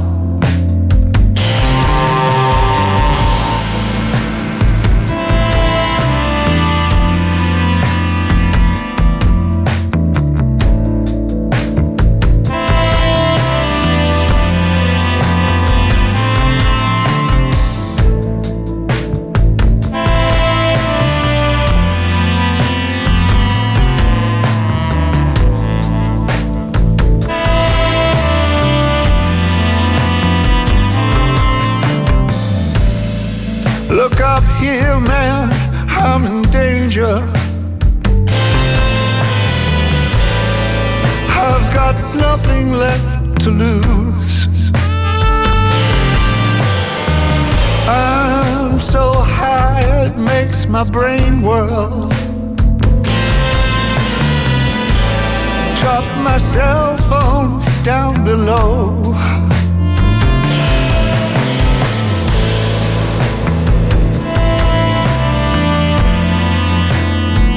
Ain't that just like me?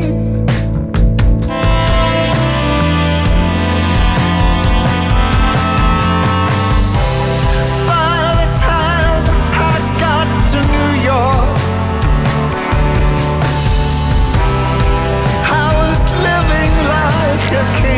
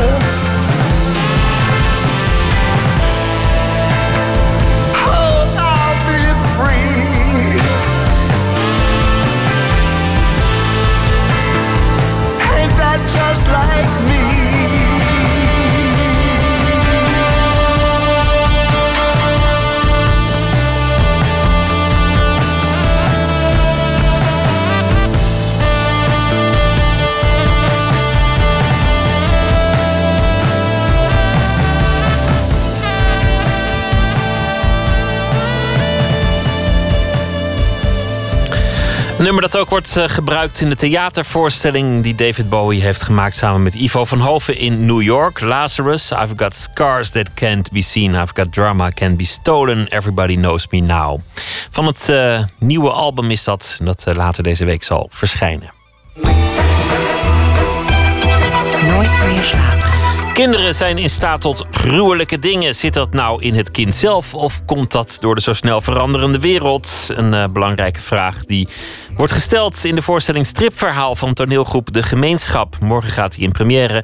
Onze verslaggever Tjitske Mussen was bij de repetitie. In een oefenzaaltje in Amsterdam wordt gerepeteerd door theatergroep De Gemeenschap. De Gemeenschap is het gezelschap van Roy Peters. Tekst is belangrijk, maar hij werkt veel met memespelers, dus beweging is minstens zo belangrijk. Wij hebben de laatste paar jaar eh, steeds hele doldwaze, vrolijke voorstellingen gemaakt. Die altijd ook wel een, eh, een zwaardere laag hadden. Zoals vorig jaar de voorstelling Stand Up, Lie Down, waarin vijf homo's met veel humor hun leven als homo in een heteroseksuele maatschappij bespraken. Maar in Peters nieuwe voorstelling is de humor ver te zoeken. Dit keer wilden we die zwaardere laag eens een keer helemaal naar boven laten komen. En uh, uh, ongegeneerd, serieus toneelstuk maken. Een ongegeneerd serieus toneelstuk dus. Gespeeld door René Geerlings en Esther Snelder. Stripverhaal heet het. En op de flyer lees ik waar dat voor staat. Een gestripte voorstelling ontdaan van alle franje. Blauw. Zuur. Warm. Steen. Tegen. Standers. Twee kinderen ontmoeten elkaar op straat. Hoe langer ze elkaar spreken, hoe duidelijker wordt dat ze al wel wat ellende hebben meegemaakt. Ik hoor harde geluiden. Er zijn stemmen zoals ik ze nog nooit gehoord heb. Daarna is het rustig. We lopen naar het gebouw. We kijken door de gaten naar binnen. De tafels zijn omvergegooid. De vloer kun je niet zien. Die is bedekt met spullen, boeken en tassen. En met de kinderen die daar liggen. Ik weet meteen, als je slaapt, dan lig je zo niet.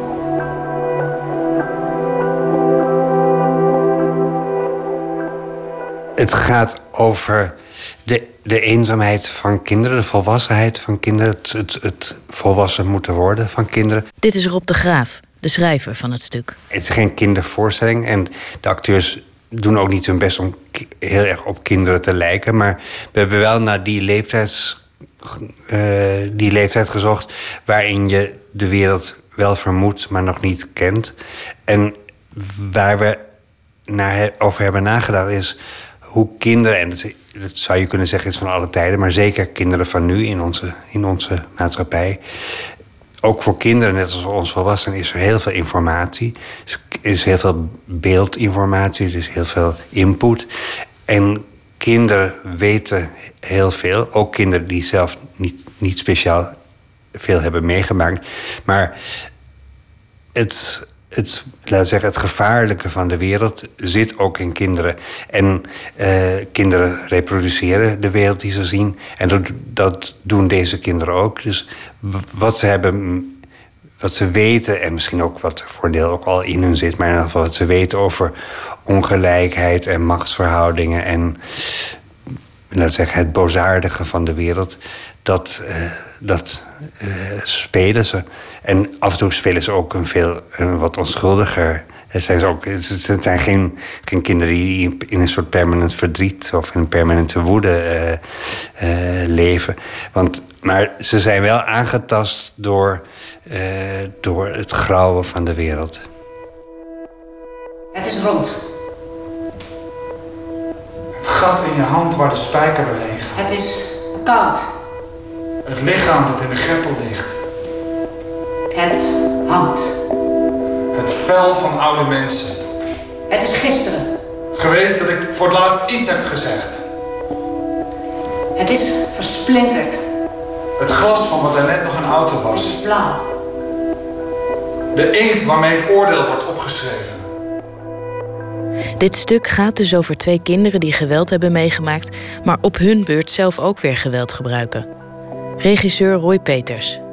We hebben toch te maken ook met heel veel dingen tegenwoordig. Uh, wat er gebeurt. Uh, ik noem aanslagen in Parijs. Ik noem, ja, dat is alweer een tijdje geleden. Uh, voetbalrellen in Scheveningen. Dat is alweer een paar jaar geleden. Maar dat, dat zijn toch verschijnselen van echt behoorlijk jonge mensen die te maken. of die, die, die gewelddadig doen. En, het, en, het wordt, en die kinderen. iedereen wordt steeds jonger. Iedereen gaat steeds jonger over seks praten en aan seks doen. En ook iedereen gaat steeds jonger aan geweld doen. En uh, dat is een zorgelijke uh, ontwikkeling. Tijdens het maakproces spraken de schrijver en de regisseur veel over opvoeding. En over het, uh, het ontbreken van opvoeding in het leven van kinderen. Um, kinderen hebben natuurlijk wel een vader en een moeder, of in heel veel gevallen. Maar ehm, ze worden toch ook tegenwoordig op een voetstuk geplaatst. De kinderen zijn snel de baas. Ik denk dat kinderen ook afzien van dat ze misschien op een voetstuk worden gezet. Dat, het zijn misschien dezelfde kinderen die ook verwaarloosd worden. Niet zoals vroeger eh, in de jaren 50 dat ze met. Uh, hoewel ze gaan ook eens zo'n ontbijt naar school hoor je. Maar, eh, maar niet dat ze, dat ze ongewassen zijn of geen kleren aan hun lijf hebben. Maar dat ze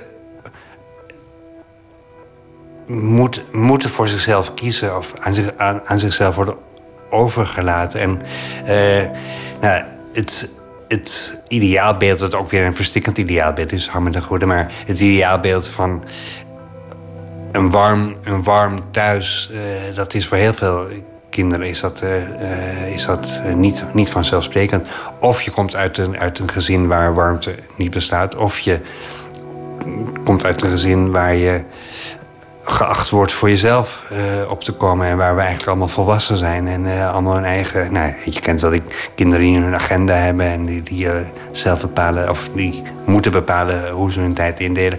En ik wilde. Ah, ik, Roy zegt al, we moeten niet te stichtelijk zijn. Ik wilde ook zeker niet een soort moreel oordeel aan koppelen. van dat is allemaal verkeerd. Maar ja, dat is wel wat je waarneemt. En waar we met deze voorstelling iets van willen laten zien.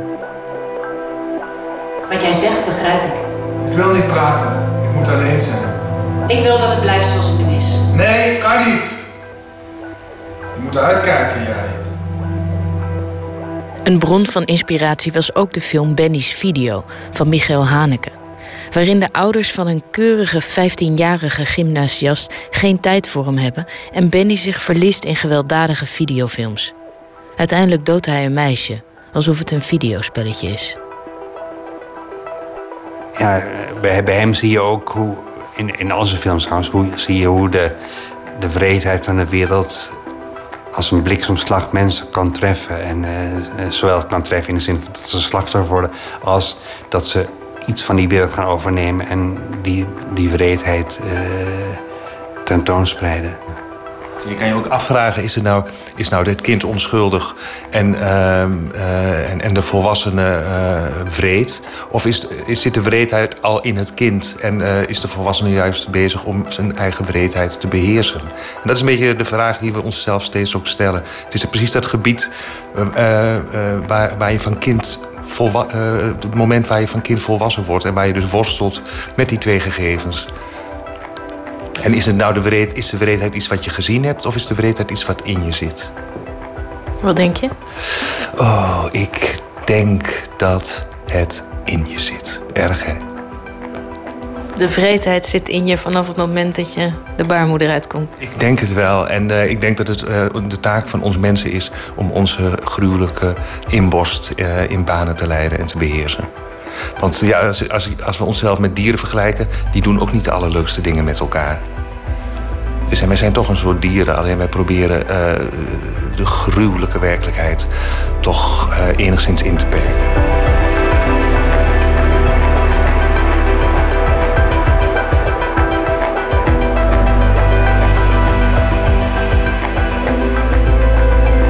De voorstelling Stripverhaal van toneelgroep De Gemeenschap is vanaf morgen te zien in Frascati in Amsterdam en gaat daarna op reis het hele land door. We gaan luisteren naar uh, Erika Badu. Ze heeft een heel album gemaakt over de mobiele telefoon. Een uh, conceptplaat zou je het kunnen noemen met een beetje fantasie. En het gaat over alle voor, maar toch ook wel de nadelen van de komst van uh, het mobieltje. Het nummer dat we draaien heet Phone Down.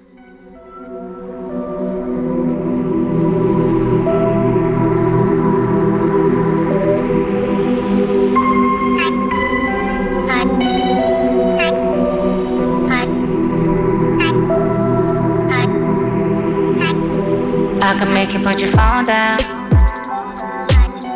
I can make you, I can make you, I can make you put your phone down. I can make you put your phone down. I can make you, I can make you, I can make you put your phone down. I can make you put your phone down. I can make you, I can make you, I can make you put your phone down. I can make you put your phone down. And we cruise through the city. I can make you put your phone down. You ain't gon' text no one when you with me. I can make you put your phone down. So you can show me attention. And I'll cut mine off too. Boy, that I have when I listen, I can make you put your phone down. Baby, we don't need it. Every time you get a message, like you don't see it. I can make you put your phone down. Tell me, do you copy? I can make you put your phone down. Boy, that ain't gonna stop me. I can make you put your phone down. I can make you, I can make you, I can make you put your phone down. I can make you put your phone down.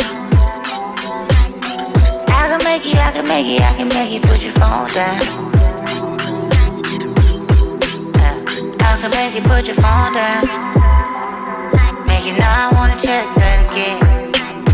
I can make you put your phone down. Riding in a drop, hair blowing in the wind, baby. I will put my phone down. Cause when you talk, I'ma listen. I can make you put your phone down. Leave it at the crib, guarantee you wouldn't miss it. I could make you put your phone down. And it wouldn't leave your pocket. I can make you put your phone down. Probably wouldn't even know how to unlock it. I can make you put your phone down. I see your friend calling, but forget him. I can make you put your phone down. Your mama probably think you of this, and I can make you put your phone down. I can make you, I can make you, I can make you put your phone down. I can make you put your phone down. I can make you, I can make you, I can make you put your phone down. Yeah. I can make you put your phone down. I can make you, I can make you, I can make you put your phone.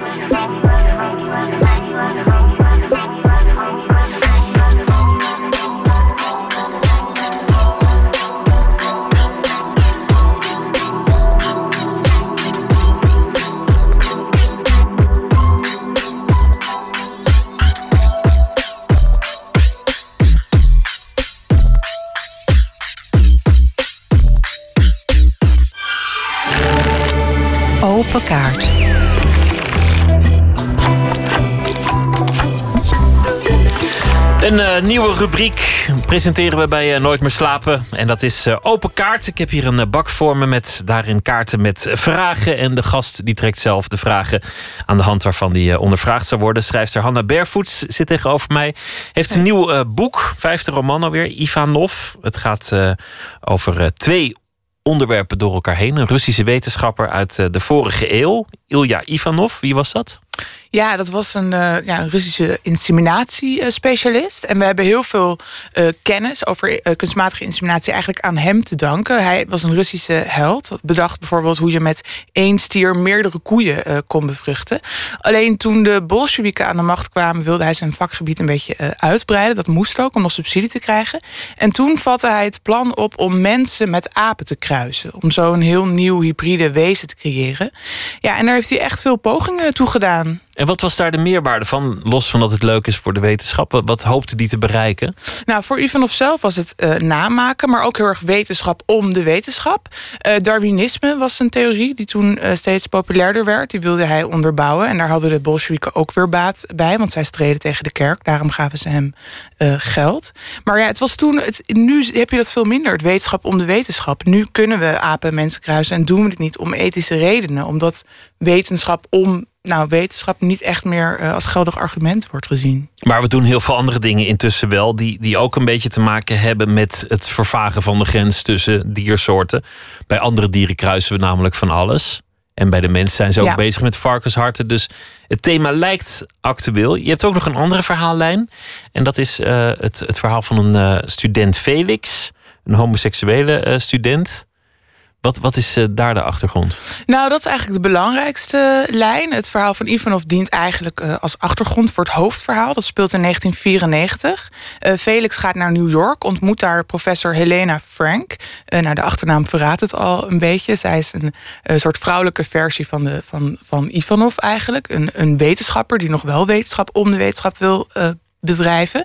En haar theorie is dat het AIDS-virus, wat op dat moment de epidemie heeft zijn hoogtepunt bereikt, ehm, tijdens de experimenten van Ivanov van aap op mens is overgegaan. En Want zij, eh, is natuurlijk ooit gebeurd. AIDS Ja. is ooit bij de aap begonnen ja, en, en naar ook de in mens. die jaren, in rond 1920, toen deed Ivanov zijn experimenten. Toen is het ook in Afrika gebeurd. En toen was Ivanov ook in Afrika. Dus theoretisch zou het kunnen. Je vorige boek is nog niet eens zo lang geleden, Efter. Dat ging over eh, een- medicijn tegen de liefde. Het ging eh, met ook een redelijk wetenschappelijke achtergrond. Dat lijkt iets te zijn waar je langzaamaan een beetje naartoe drijft. Dat, dat je de, de wetenschap in je literatuur verwerkt. Ja, zeker bij deze laatste twee boeken. Ja, ja, merk ik dat ik ben sowieso erg geïnteresseerd in wetenschap, maar dan vooral wat de invloed is van wetenschappelijke vooruitgang of nieuwe vondsten op onze persoonlijke relaties. Als je leest over wetenschap ehm, in de wetenschapsbijlage, dan is het vaak vrij technisch van wat kan er allemaal. En als je erover leest in opiniestukken, is het vaak heel moraliserend. Wat mag er wel, wat mag er niet. En ik vind het mooi om er ehm, ja, eigenlijk mijn fantasie op los te laten. Van hé, hey, wat zijn de consequenties voor ons als mens? Voor mijn band met jou, of voor mijn band met mijn kinderen. Kortom, mijn hoe zou, bijvoorbeeld, hoe zou de liefde veranderen Ja. wanneer er een beeld tegen was? Of in dit geval, eh, hoe veranderen de relaties tussen mensen wanneer de grenzen tussen soorten vervagen? Ja, ja, onder andere. Ja, dat is een van de thema's. En het gaat altijd al vanaf je eerste boek eigenlijk over, over zelfverwezenlijking. Als dat een, een woord is dat nog iets zegt. Ja, nou, identiteit, vind, dat is het woord dat ik er zelf voor gebruik. Ligt er misschien inderdaad eh, in de buurt. Wat bepaalt je identiteit? Welke factoren? Ivanov gaat er eigenlijk meer over dan elk ander boek. Daar zie je heel veel tegenstellingen in terugkomen. Zoals mens-dier komt vaak terug. Maar ook man-vrouw en eh, donker, blank, heteroseksueel, homoseksueel. En ja, hoe die, hoe die categorieën, hoe wij die categorieën gebruiken om onze identiteit te vormen. Hoewel dat eigenlijk allemaal constructies zijn. Het zijn allemaal aangereikte categorieën. Als ik jou vertel wie ik ben, dan zeg ik nou, ik ben vrouw, ik ben blank, ik ben opgeleid. Ik zeg ik allemaal dat soort dingen. Om maar te vertellen wie ik ben, omdat ik geen andere woorden heb. En dat vind ik iets heel fascinerends. En ook welke woorden kies je op welk moment. Als iemand andere categorieën zou bedenken, zou jij heel iemand anders Misschien denken ja. te zijn. Nou ja, En- dan zou ik dezelfde misschien denken te zijn, maar dat weer in andere woorden zeggen. Ja, waardoor het dan toch weer anders is. Goed, het is een nieuwe rubriek. Het is voor mij ook nieuw. We geven het ook een beetje de tijd. Hè? Want eh, in, het, in het begin eh, lijkt, lijkt het waarschijnlijk nergens op. Maar hier heb ik een kaartenbak vol met eh, vragen. Rode en blauwe. De blauwe gaan over, over je werk en de rode gaan over het leven. Ja, en er zitten heel veel meer rode in het bakje. Oh ja, maar daar wordt nog aan gewerkt. Er komen vast nog Oh. heel veel blauwe bij in de loop van de tijd. Want we gaan ze ook een beetje verversen. Wil je een kaart voor me trekken? Ja, dan pak ik gewoon. En dan, dan moet ik dan blauw of rood? Nou, doe maar wat je wil. Nou, dan pak ik een blauwe. Gewoon om mee te beginnen. Pak een blauwe kaart. En daar staat dan een Oh, want ik vind dit geen leuk. Er staat welke collega is overschat. Dus Nou. dit is heel gevaarlijk. Kom maar door. Nou, dan ga ik sowieso niet een Nederlandse collega noemen natuurlijk. Nou, we willen wel met een Nederlandse collega horen. Nee, nee, nee. Er is toch wel iemand overschat in de Nederlandse literatuur? Overschat, ja, maar die, ik, dan vind ik, ik... Ik denk dat als ik iemand overschat vind... Dan, dat ik die zelf niet zo vaak lees. Dus dan vind ik mezelf weer niet in de positie... om daar heel erg iets over te zeggen. Want dan zou ik dat hele oeuvre moeten kennen... voordat je iemand overschat. Ik ben heel snel aan het denken... wat vind ik nou afschuwelijk? Wat leg ik altijd weg? Nou, wie krijgt alle lof toegespeeld waarvan Ja. jij denkt... ja, ik vind het, ik zie het niet. Ja, maar ja, ik zie het niet. Nou, noem maar een buitenlandse collega Ja, dan. ja. Ehm, overschat. Zullen we hem even bewaren? Ja. Dan moet je intussen, want jij kan, jij kan op twee sporen denken. Oh, ja. oh, jij moet een kaart trekken, ik niet. Oké, nou, ik laat, werk even, ja, ik laat werk even zitten. Over collega. Gaat lekker. Is er iets dat niemand van je weet? Is er in de categorie privé? Nou, er zijn natuurlijk heel veel dingen die niemand van mij weet. Zoals? Nou, hoe laat ik ben opgestaan, dat weet ik zelf niet eens. Dus dat is dan niemand. Daar was dus niemand bij. Daar was niemand bij en vandaag niet. En, maar dan nog, ik weet het zelf, ik weet je zelf natuurlijk. Dus al die. Dus als ik flauw ben, dan zeg ik nou alle details van vandaag. Hoe laat Maar heb je- heb jij een groot geheim? gestaan. Even na. Nee, dat valt denk ik ook wel mee. Er zijn wel dingen die heel weinig mensen van mij weten. Daar, daar kan ik wel wat dingen van bedenken. Maar dan nog weten mensen die. Dus maar misschien kan dan... het kan ook de andere kant op dat het niet een groot geheim is, maar dat je denkt van goh, dat het nou nooit eens iemand is opgevallen. Je kan dit ook gebruiken om nou eens een kant van jezelf in het zonnetje te zetten. Waarvan je denkt van zonnetje. dat, dat niemand dat ooit door had. Dat, ik ook, dat bijvoorbeeld dat je ook musicals maakt of zo. Wat niet ik zo heb is. musical. Nou, Oh. Ik heb dus musicals gemaakt. Dat weet niemand. Dat, nou ja, dat weten dus de mensen, dat weten mijn ik wist het ook basisschoolleer. niet. Dat was een schot uit de heup. Nou, dat weten mijn klasgenootjes omdat ik ook altijd rollen verdeelde. Ik schreef eh, musicals als kind, verschillende musicals geschreven. En dan schreef ik de liedjes en de teksten. En ik maakte de rolverdeling. En dan gaf ik mezelf altijd de hoofdrol. En mijn beste vriendin Halima eh, de, de andere grootste rol. En dat was altijd, ja, ik, als ik nu terugdenk, verbaast het me hoe braaf mijn klasgenoten zich daarnaar schikten. Dan gingen we elke pauze, dan gingen we die liedjes oefenen. En dan gingen we de teksten oefenen. En sommige mensen hadden een hele kleine rol en die oefenden gewoon mee. Heel schattig. Dus dat is misschien iets dat niemand van me weet. Dat vond ik heel, ja. Nou, nog, doe nog maar een kaart. Oké. Nou, dan ga eh, ja, ik, ik ga, Doe toch nog maar een rooi, want er zijn ja, er ik meer blijf van. van die rode. Geloof je in God? Nee. Ik geloof niet in God. Helemaal niet. En Helemaal ook niet. Ook niet nee. in iets of, of Nee. iets vaags. Of, of er is meer iets. dan we weten. Of, of, Nee. eh, of ik laat het nog een beetje open. Of ik hoop. Ehm, nee, nee, maar ik heb wel. Ik ben niet een atheïst in de zin dat ik religie heel erg afkeur. Of mensen die wel in God eh, geloven heel erg, heel erg dom vind. Ehm, dat, dat hoor je ook wel eens. Ik heb juist heel erg. Ehm, ik zie religie wel als iets heel erg moois. Ik zie religie als een verhaal dat mensen zichzelf vertellen om eh, zichzelf op de been te houden. Veel van mijn werk eh, gaat daar eigenlijk ook over. Dus in die zin zie ik religie best als iets positiefs. Het staat nu een beetje in een negatief daglicht natuurlijk, ook vanwege de, de grote uitwassen. maar je zou het zelf eigenlijk ook wel willen geloven. Je zou Ja. willen dat het je zou lukken om erin te geloven. Ik, heb het, ik moet zeggen, ik heb het niet geprobeerd. Ik, ik geloof het echt niet. Ik, we hadden net over die wetenschap. Daar, ja, het, het, kan, het kan gewoon niet. Heel veel praktisch. Net als dat, weet je, net als dat eh, Sinterklaas niet kan bestaan, gewoon praktisch gezien niet. Want je krijgt de cadeautjes in een avond eh, niet allemaal door de schoorsteen. Geloof, geloof ik praktisch gezien niet dat, dat God kan bestaan. En dat, ja, dat, dat zal ik ook nooit geloven. Maar ik geloof wel heel erg in, in de houvast die zo'n geloof kan bieden. Of die, die een boek kan bieden waar allemaal van die, van die mooie verhalen in staan. En ik denk dat we, als we het over geloof hebben, een beetje eh, ons blind staren op de regels van ehm, religie. Die ook fijn kunnen zijn, die ook een fijne houvast kunnen zijn. Maar ik denk eigenlijk dat het belangrijkste wat geloof mensen kan bieden hoop is. Hoop dat het beter wordt. Hoop dat het goed komt. Maar wel valse hoop, als ik je goed begrijp. Nee, dat hoeft natuurlijk niet. Want soms wordt het ook beter. Maar je En denkt eigenlijk ook van- goed. van ja, het niet is door allemaal- God. Oké. Maar het, het, is, het wordt... Ja, ik, ik, ik vergelijk religie wel eens met eigenlijk een therapie. Want veel gelovigen die zeggen eigenlijk... ehm, het gaat nu niet goed, maar later zal het beter gaan. En als het niet beter gaat, dan was dat Gods wil. En dan, dat kan helpen om je ergens bij neer te leggen. En als je God daarin wegstreept, dan krijg je eigenlijk... ja, gaat nu niet goed, maar later eh, dan kan het beter gaan. Als het niet beter gaat, nou, dan is dat het lot, zeggen mensen dan... die niet in God geloven. Of so be it, of, of acceptatie moet je dan eh, zien te vinden. En ik geloof dat acceptatie en, en, of, en of hoop... ehm, ja, dat, dat geloof kan helpen acceptatie of hoop te vinden. Dus in die zin vind ik geloof wel iets positiefs, maar zelf geloof ik niet in een god of een, of een iets of een, of een wat dan ook. Duidelijk. Nou, doe nog een eh, kaart als je wil. Nou, dan ga ik. Toch voor een blauwe. Ja, ik ga toch voor een blauwe, maar ja. Oké. Voor, Voor welk werk schaam je je? Staat hierop. nou, voor welk van je, van je boeken of verhalen? Ja, ik zat te de, nou, misschien die musicals. Maar aan de andere kant vind ik die eigenlijk ook wel weer schattig. Maar dat is een jeugdzonde. Maar, maar Ja. nou ja, je, je loopt al een tijdje mee. Dit is je vijfde roman. Is ongetwijfeld een roman die je niet graag opnieuw zou willen nee, lezen. nee, dat gaat nou mijn romans niet eigenlijk, want die daar schaam ik me niet voor. Dat zou ik ook niet zo snel doen. Ik ken wel schrijvers die dat, die dat meer hebben, die een beetje doen alsof hun debuten niet meer bestaan. Maar ik, ik hou toch wel van al mijn boeken, ook al vind ik ze. Ik vind mijn eerste boek niet zo goed als dat niet zo goed als mijn laatste boek, maar ik, ik hou wel heel veel van dat boek.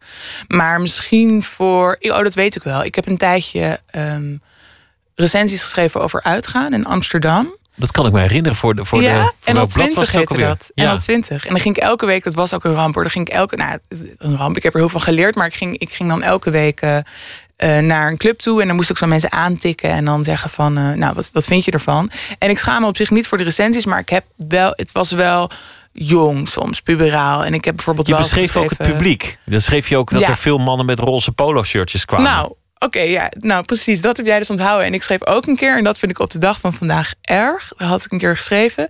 eh, een veertiger op de dansvloer is net zoiets als iemand die op je schoenen heeft gekotst. Of zoiets, om aan te geven van, oh, oude mensen zijn stom op de dansvloer. Nou, en inmiddels ben ik dichter bij de veertig dan toen. En ik kreeg toen een heel boos mailtje van een veertiger, dat weet ik ook nog. Die er heel boos over was. En die ook zei van, nou, dat kan je echt niet schrijven. En later zul je wel zien. En inmiddels ben ik het eens met die boze mailer. Dat ik denk, ja, dat was, het was ook gewoon, dat is flauw. En, Maar dat is voortschrijdend inzicht. Ja. Wil je nog een, een, een Ja. rode trekken? Ik ga een rode trekken. Oh ja. Ja. Wie zou je graag willen ontmoeten? Maar dat is een vraag die krijg ik wel vaker. In, in- ja, dat, weet, dat is blijkbaar een populair Dan weet je ook wel een antwoord. Ja, maar dan heb ik dus nooit een antwoord. Vaak is het van eh, wie, met wie wil je een keer eten of zo. Is volgens mij ook zo'n zo'n versie ervan. Maar ik, kijk, je kan dan wel zeggen iemand die je bewondert, maar eigenlijk wil je die niet ontmoeten. Want bewondering is vaak een verhaal wat je over iemand hebt gemaakt. Die wil niet dat dat verhaal wordt verpest. En dan blijkt het een lul in het echt. Precies, en je bent hartstikke zenuwachtig en je hebt niks te zeggen. Ik was bijvoorbeeld een keer. ehm, ik was een keer in, een in één ruimte met Lina Dunham. Zij zat echt zo een, stoel verder.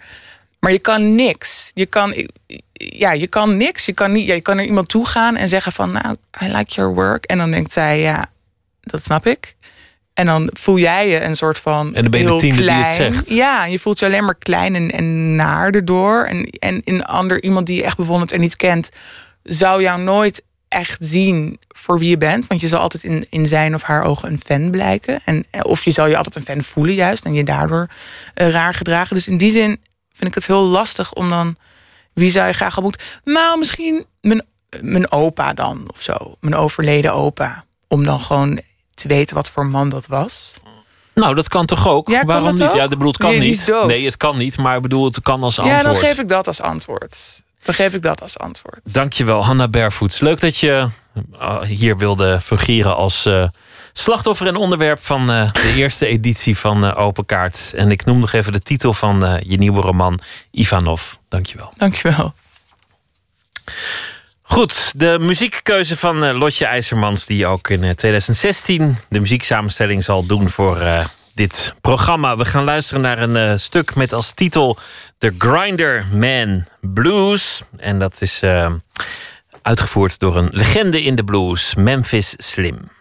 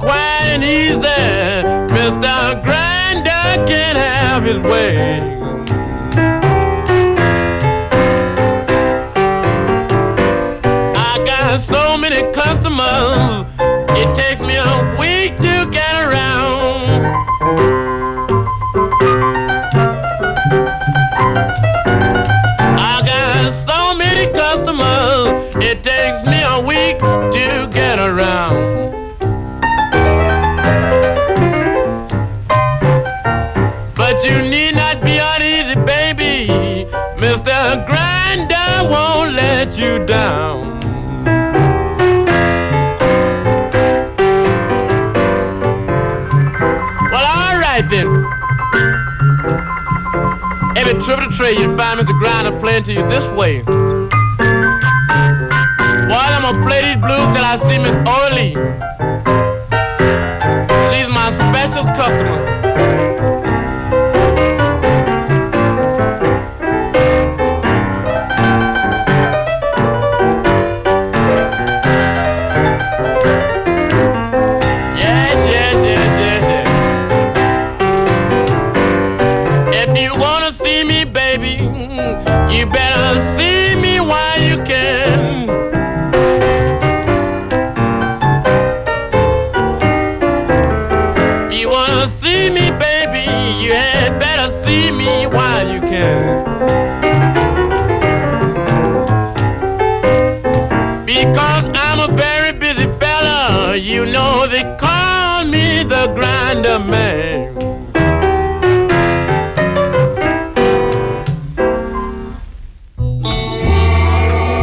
Slapen.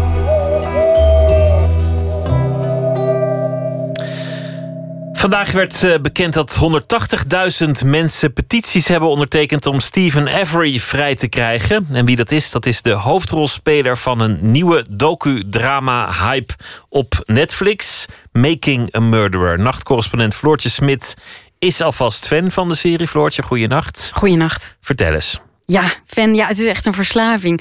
Ehm, ik ben trouwens niet de enige, hè, want volgens mij half internet staat vol met mensen die deze serie aan het volgen zijn. Ehm, het gaat dus over Stephen Avery. Dat is een man die is afkomstig uit een, eh, een familie van buitenbeentjes, een klein Amerikaans stadje. En hij wordt opgepakt vanwege de verkrachting van een vrouw. Nou, zegt hij zelf altijd. Ik ben onschuldig. Hij heeft ook een alibi. En dan 18 jaar later wordt hij vrijgepleit door DNA-materiaal. En dan blijkt dus dat die politie en justitie hem eigenlijk een beetje nou, hebben ingeluisterd ongeveer. En dan vraagt Avery om een schadevergoeding. Je bent toch niet het einde aan het... Want daar zijn mensen altijd heel happig op om uh, iemand te verwijten... het einde van de film te hebben verklapt of, of van de serie. Een spoiler, ja. Nee, maar dat, dat was, dit is aflevering 1 van, van de 10 afleveringen. Want um, wat er gebeurt... Ik ga proberen inderdaad zo min mogelijk te spoilen. Um, precies als die procedure voor die schadevergoeding loopt... dan uh, verdwijnt er een jonge fotografe. Do we have a body or anything yet? I don't believe so. We have Stephen Avery in custody, though. The disappearance of Teresa Halbach remains a mystery. Mr. Avery's blood is found inside of Teresa Halbach's vehicle. Steve, everybody's listening. What do you want to say today? I'm listening. Ja, fascinerend dus. Die hele geschiedenis die van, van dat beschuldigen en dat hij roept: Ik ben onschuldig, dat herhaalt zich. En eigenlijk is de vraag die onder die hele documentaire serie loopt: is, Heeft hij die fotograaf nou omgebracht? Iets waar best veel bewijs voor wordt aangedragen. Of wordt hij erin geluisterd door de autoriteiten? Wat een beetje een sterk verhaal lijkt, eigenlijk. En uh, schrijver Jonathan van der die was ook meteen gegrepen door deze serie. Ik vind het zo, het is zo bedrieglijk gemaakt. Je denkt elke keer, denk je na de eerste aflevering, denk je.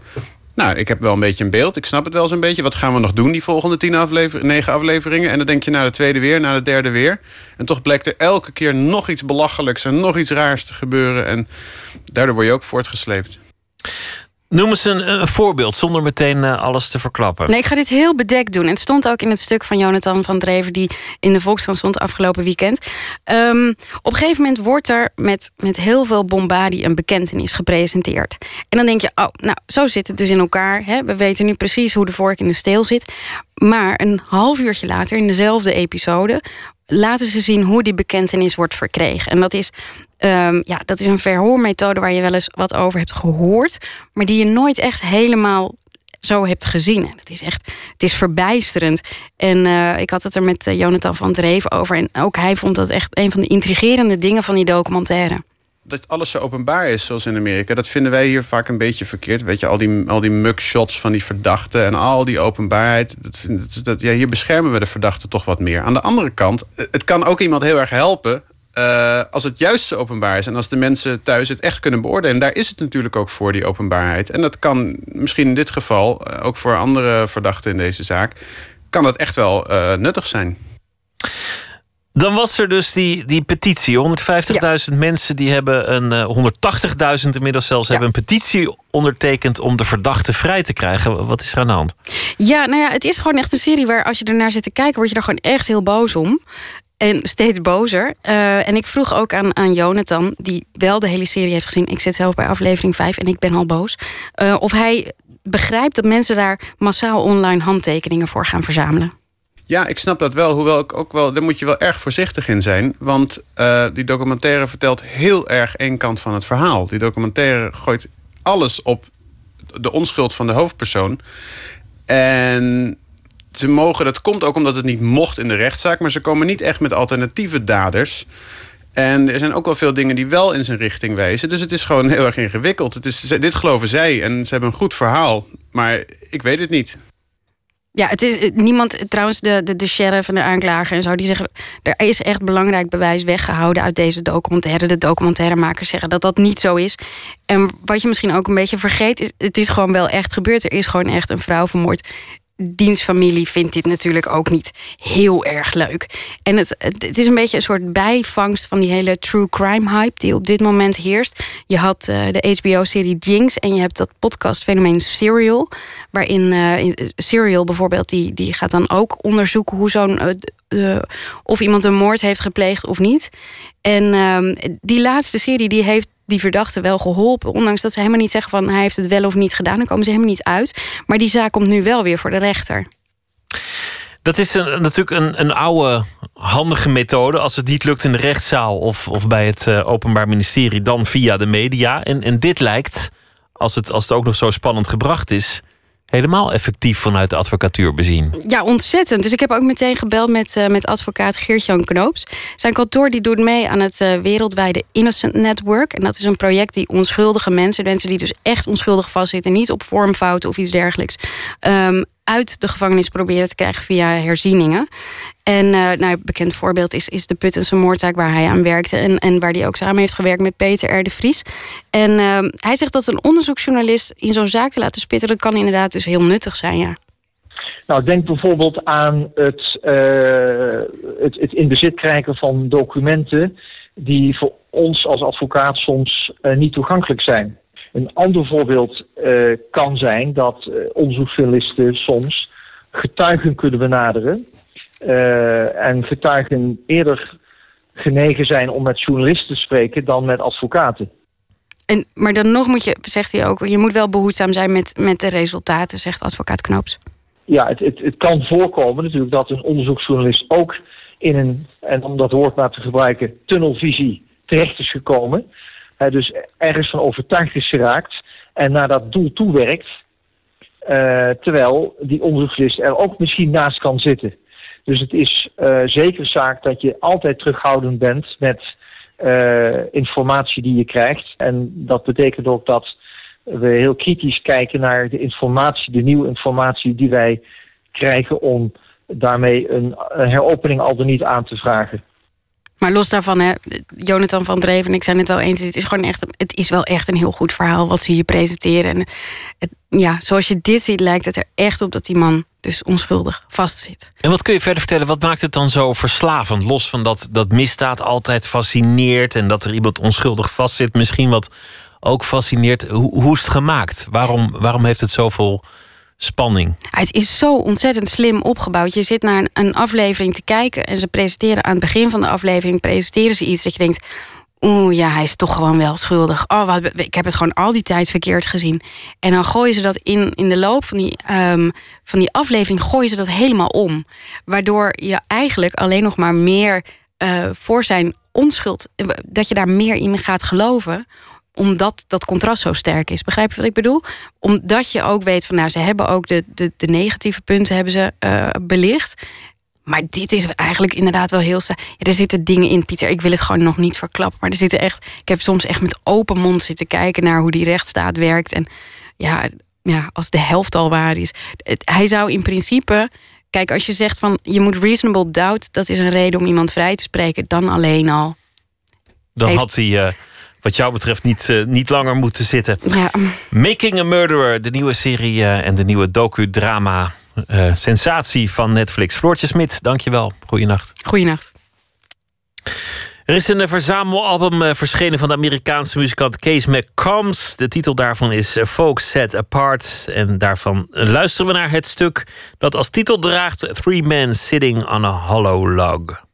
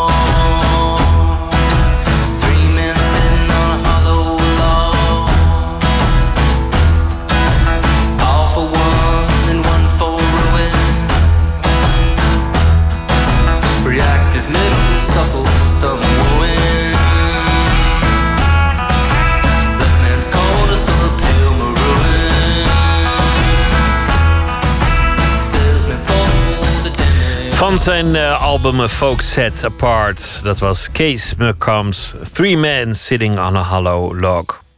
Hij is eh, schrijver, dichter, vertaler en samensteller van eh, bloemlezingen. Guus Luiters heeft ontzettend veel titels op zijn naam staan. Bekend onder meer het boek In Memoriam... met daarin de lijst van 18.000 namen en foto's van kinderen... die gedeporteerd werden tijdens de Tweede Wereldoorlog. Deze week kiest hij elke nacht een van zijn meest geliefde gedichten uit. En dat zal hij ook voordragen. Het eerste gedicht is van Advaita, een eh, pseudoniem van J.A. van eh, J.A. En eh, het is een sonnet van het gedicht Het is lang geleden.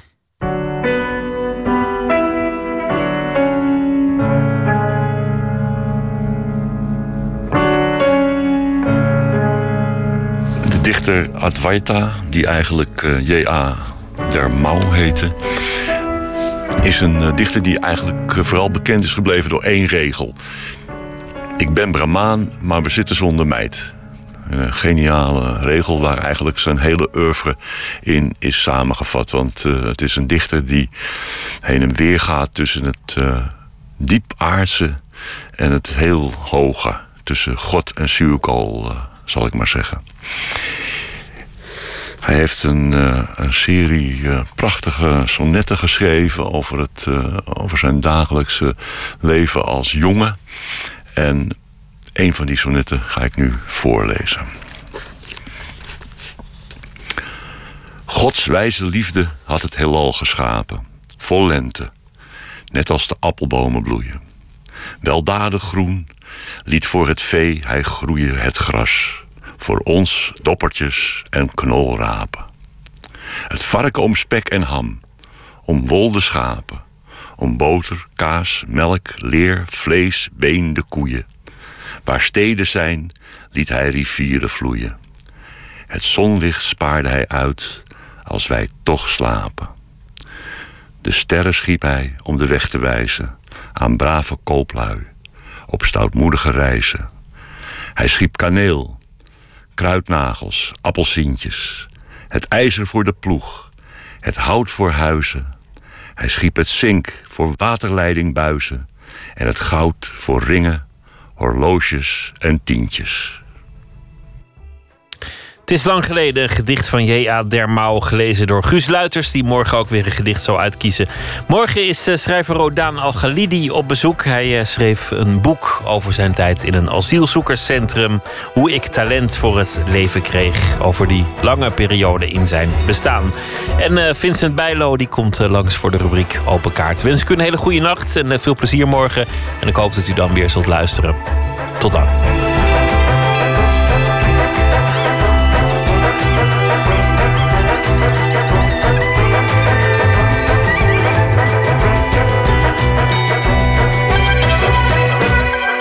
Radio 1, het nieuws van alle kanten.